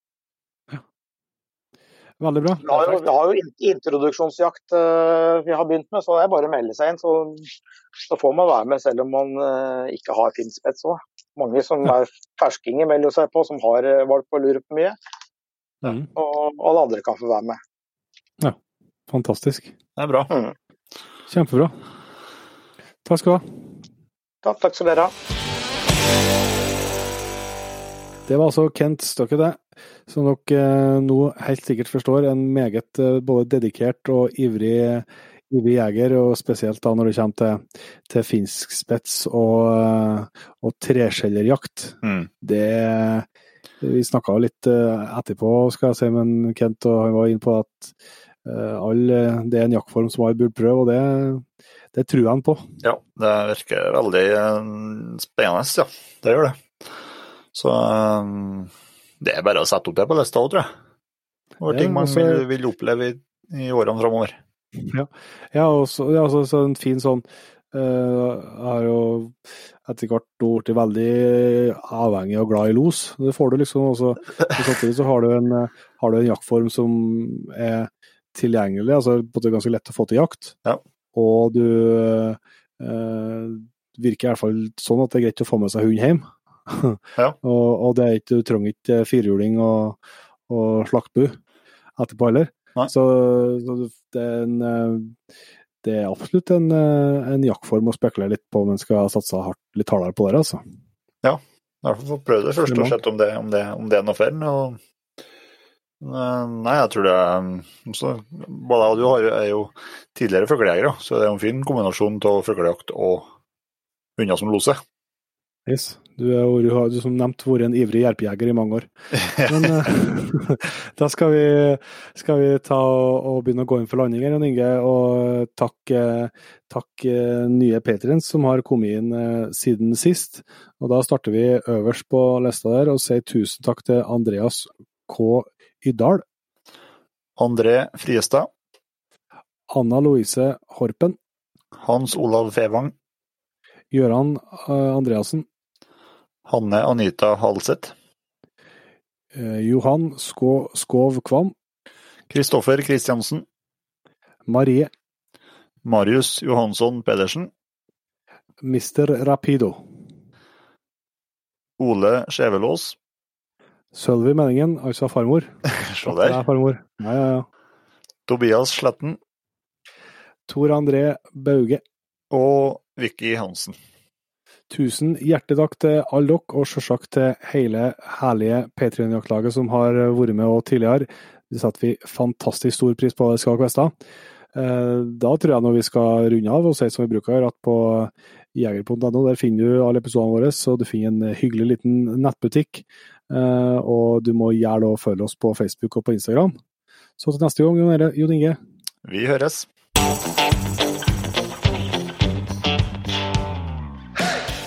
Tusen hjertelig takk for at du valgte å bruke litt av tida di på Jegerpodden. Sjekk ut jegerpodden.no eller eh, din favoritt-podkastspiller for enda mer innhold og flere episoder. Følg også Jegerpodden på Facebook og Instagram, og ikke minst, husk å fortelle alle gode venner, familie og tilfeldige forbipasserende om Jegerpodden, sånn at vi får spredd det glade budskap videre. Vi høres!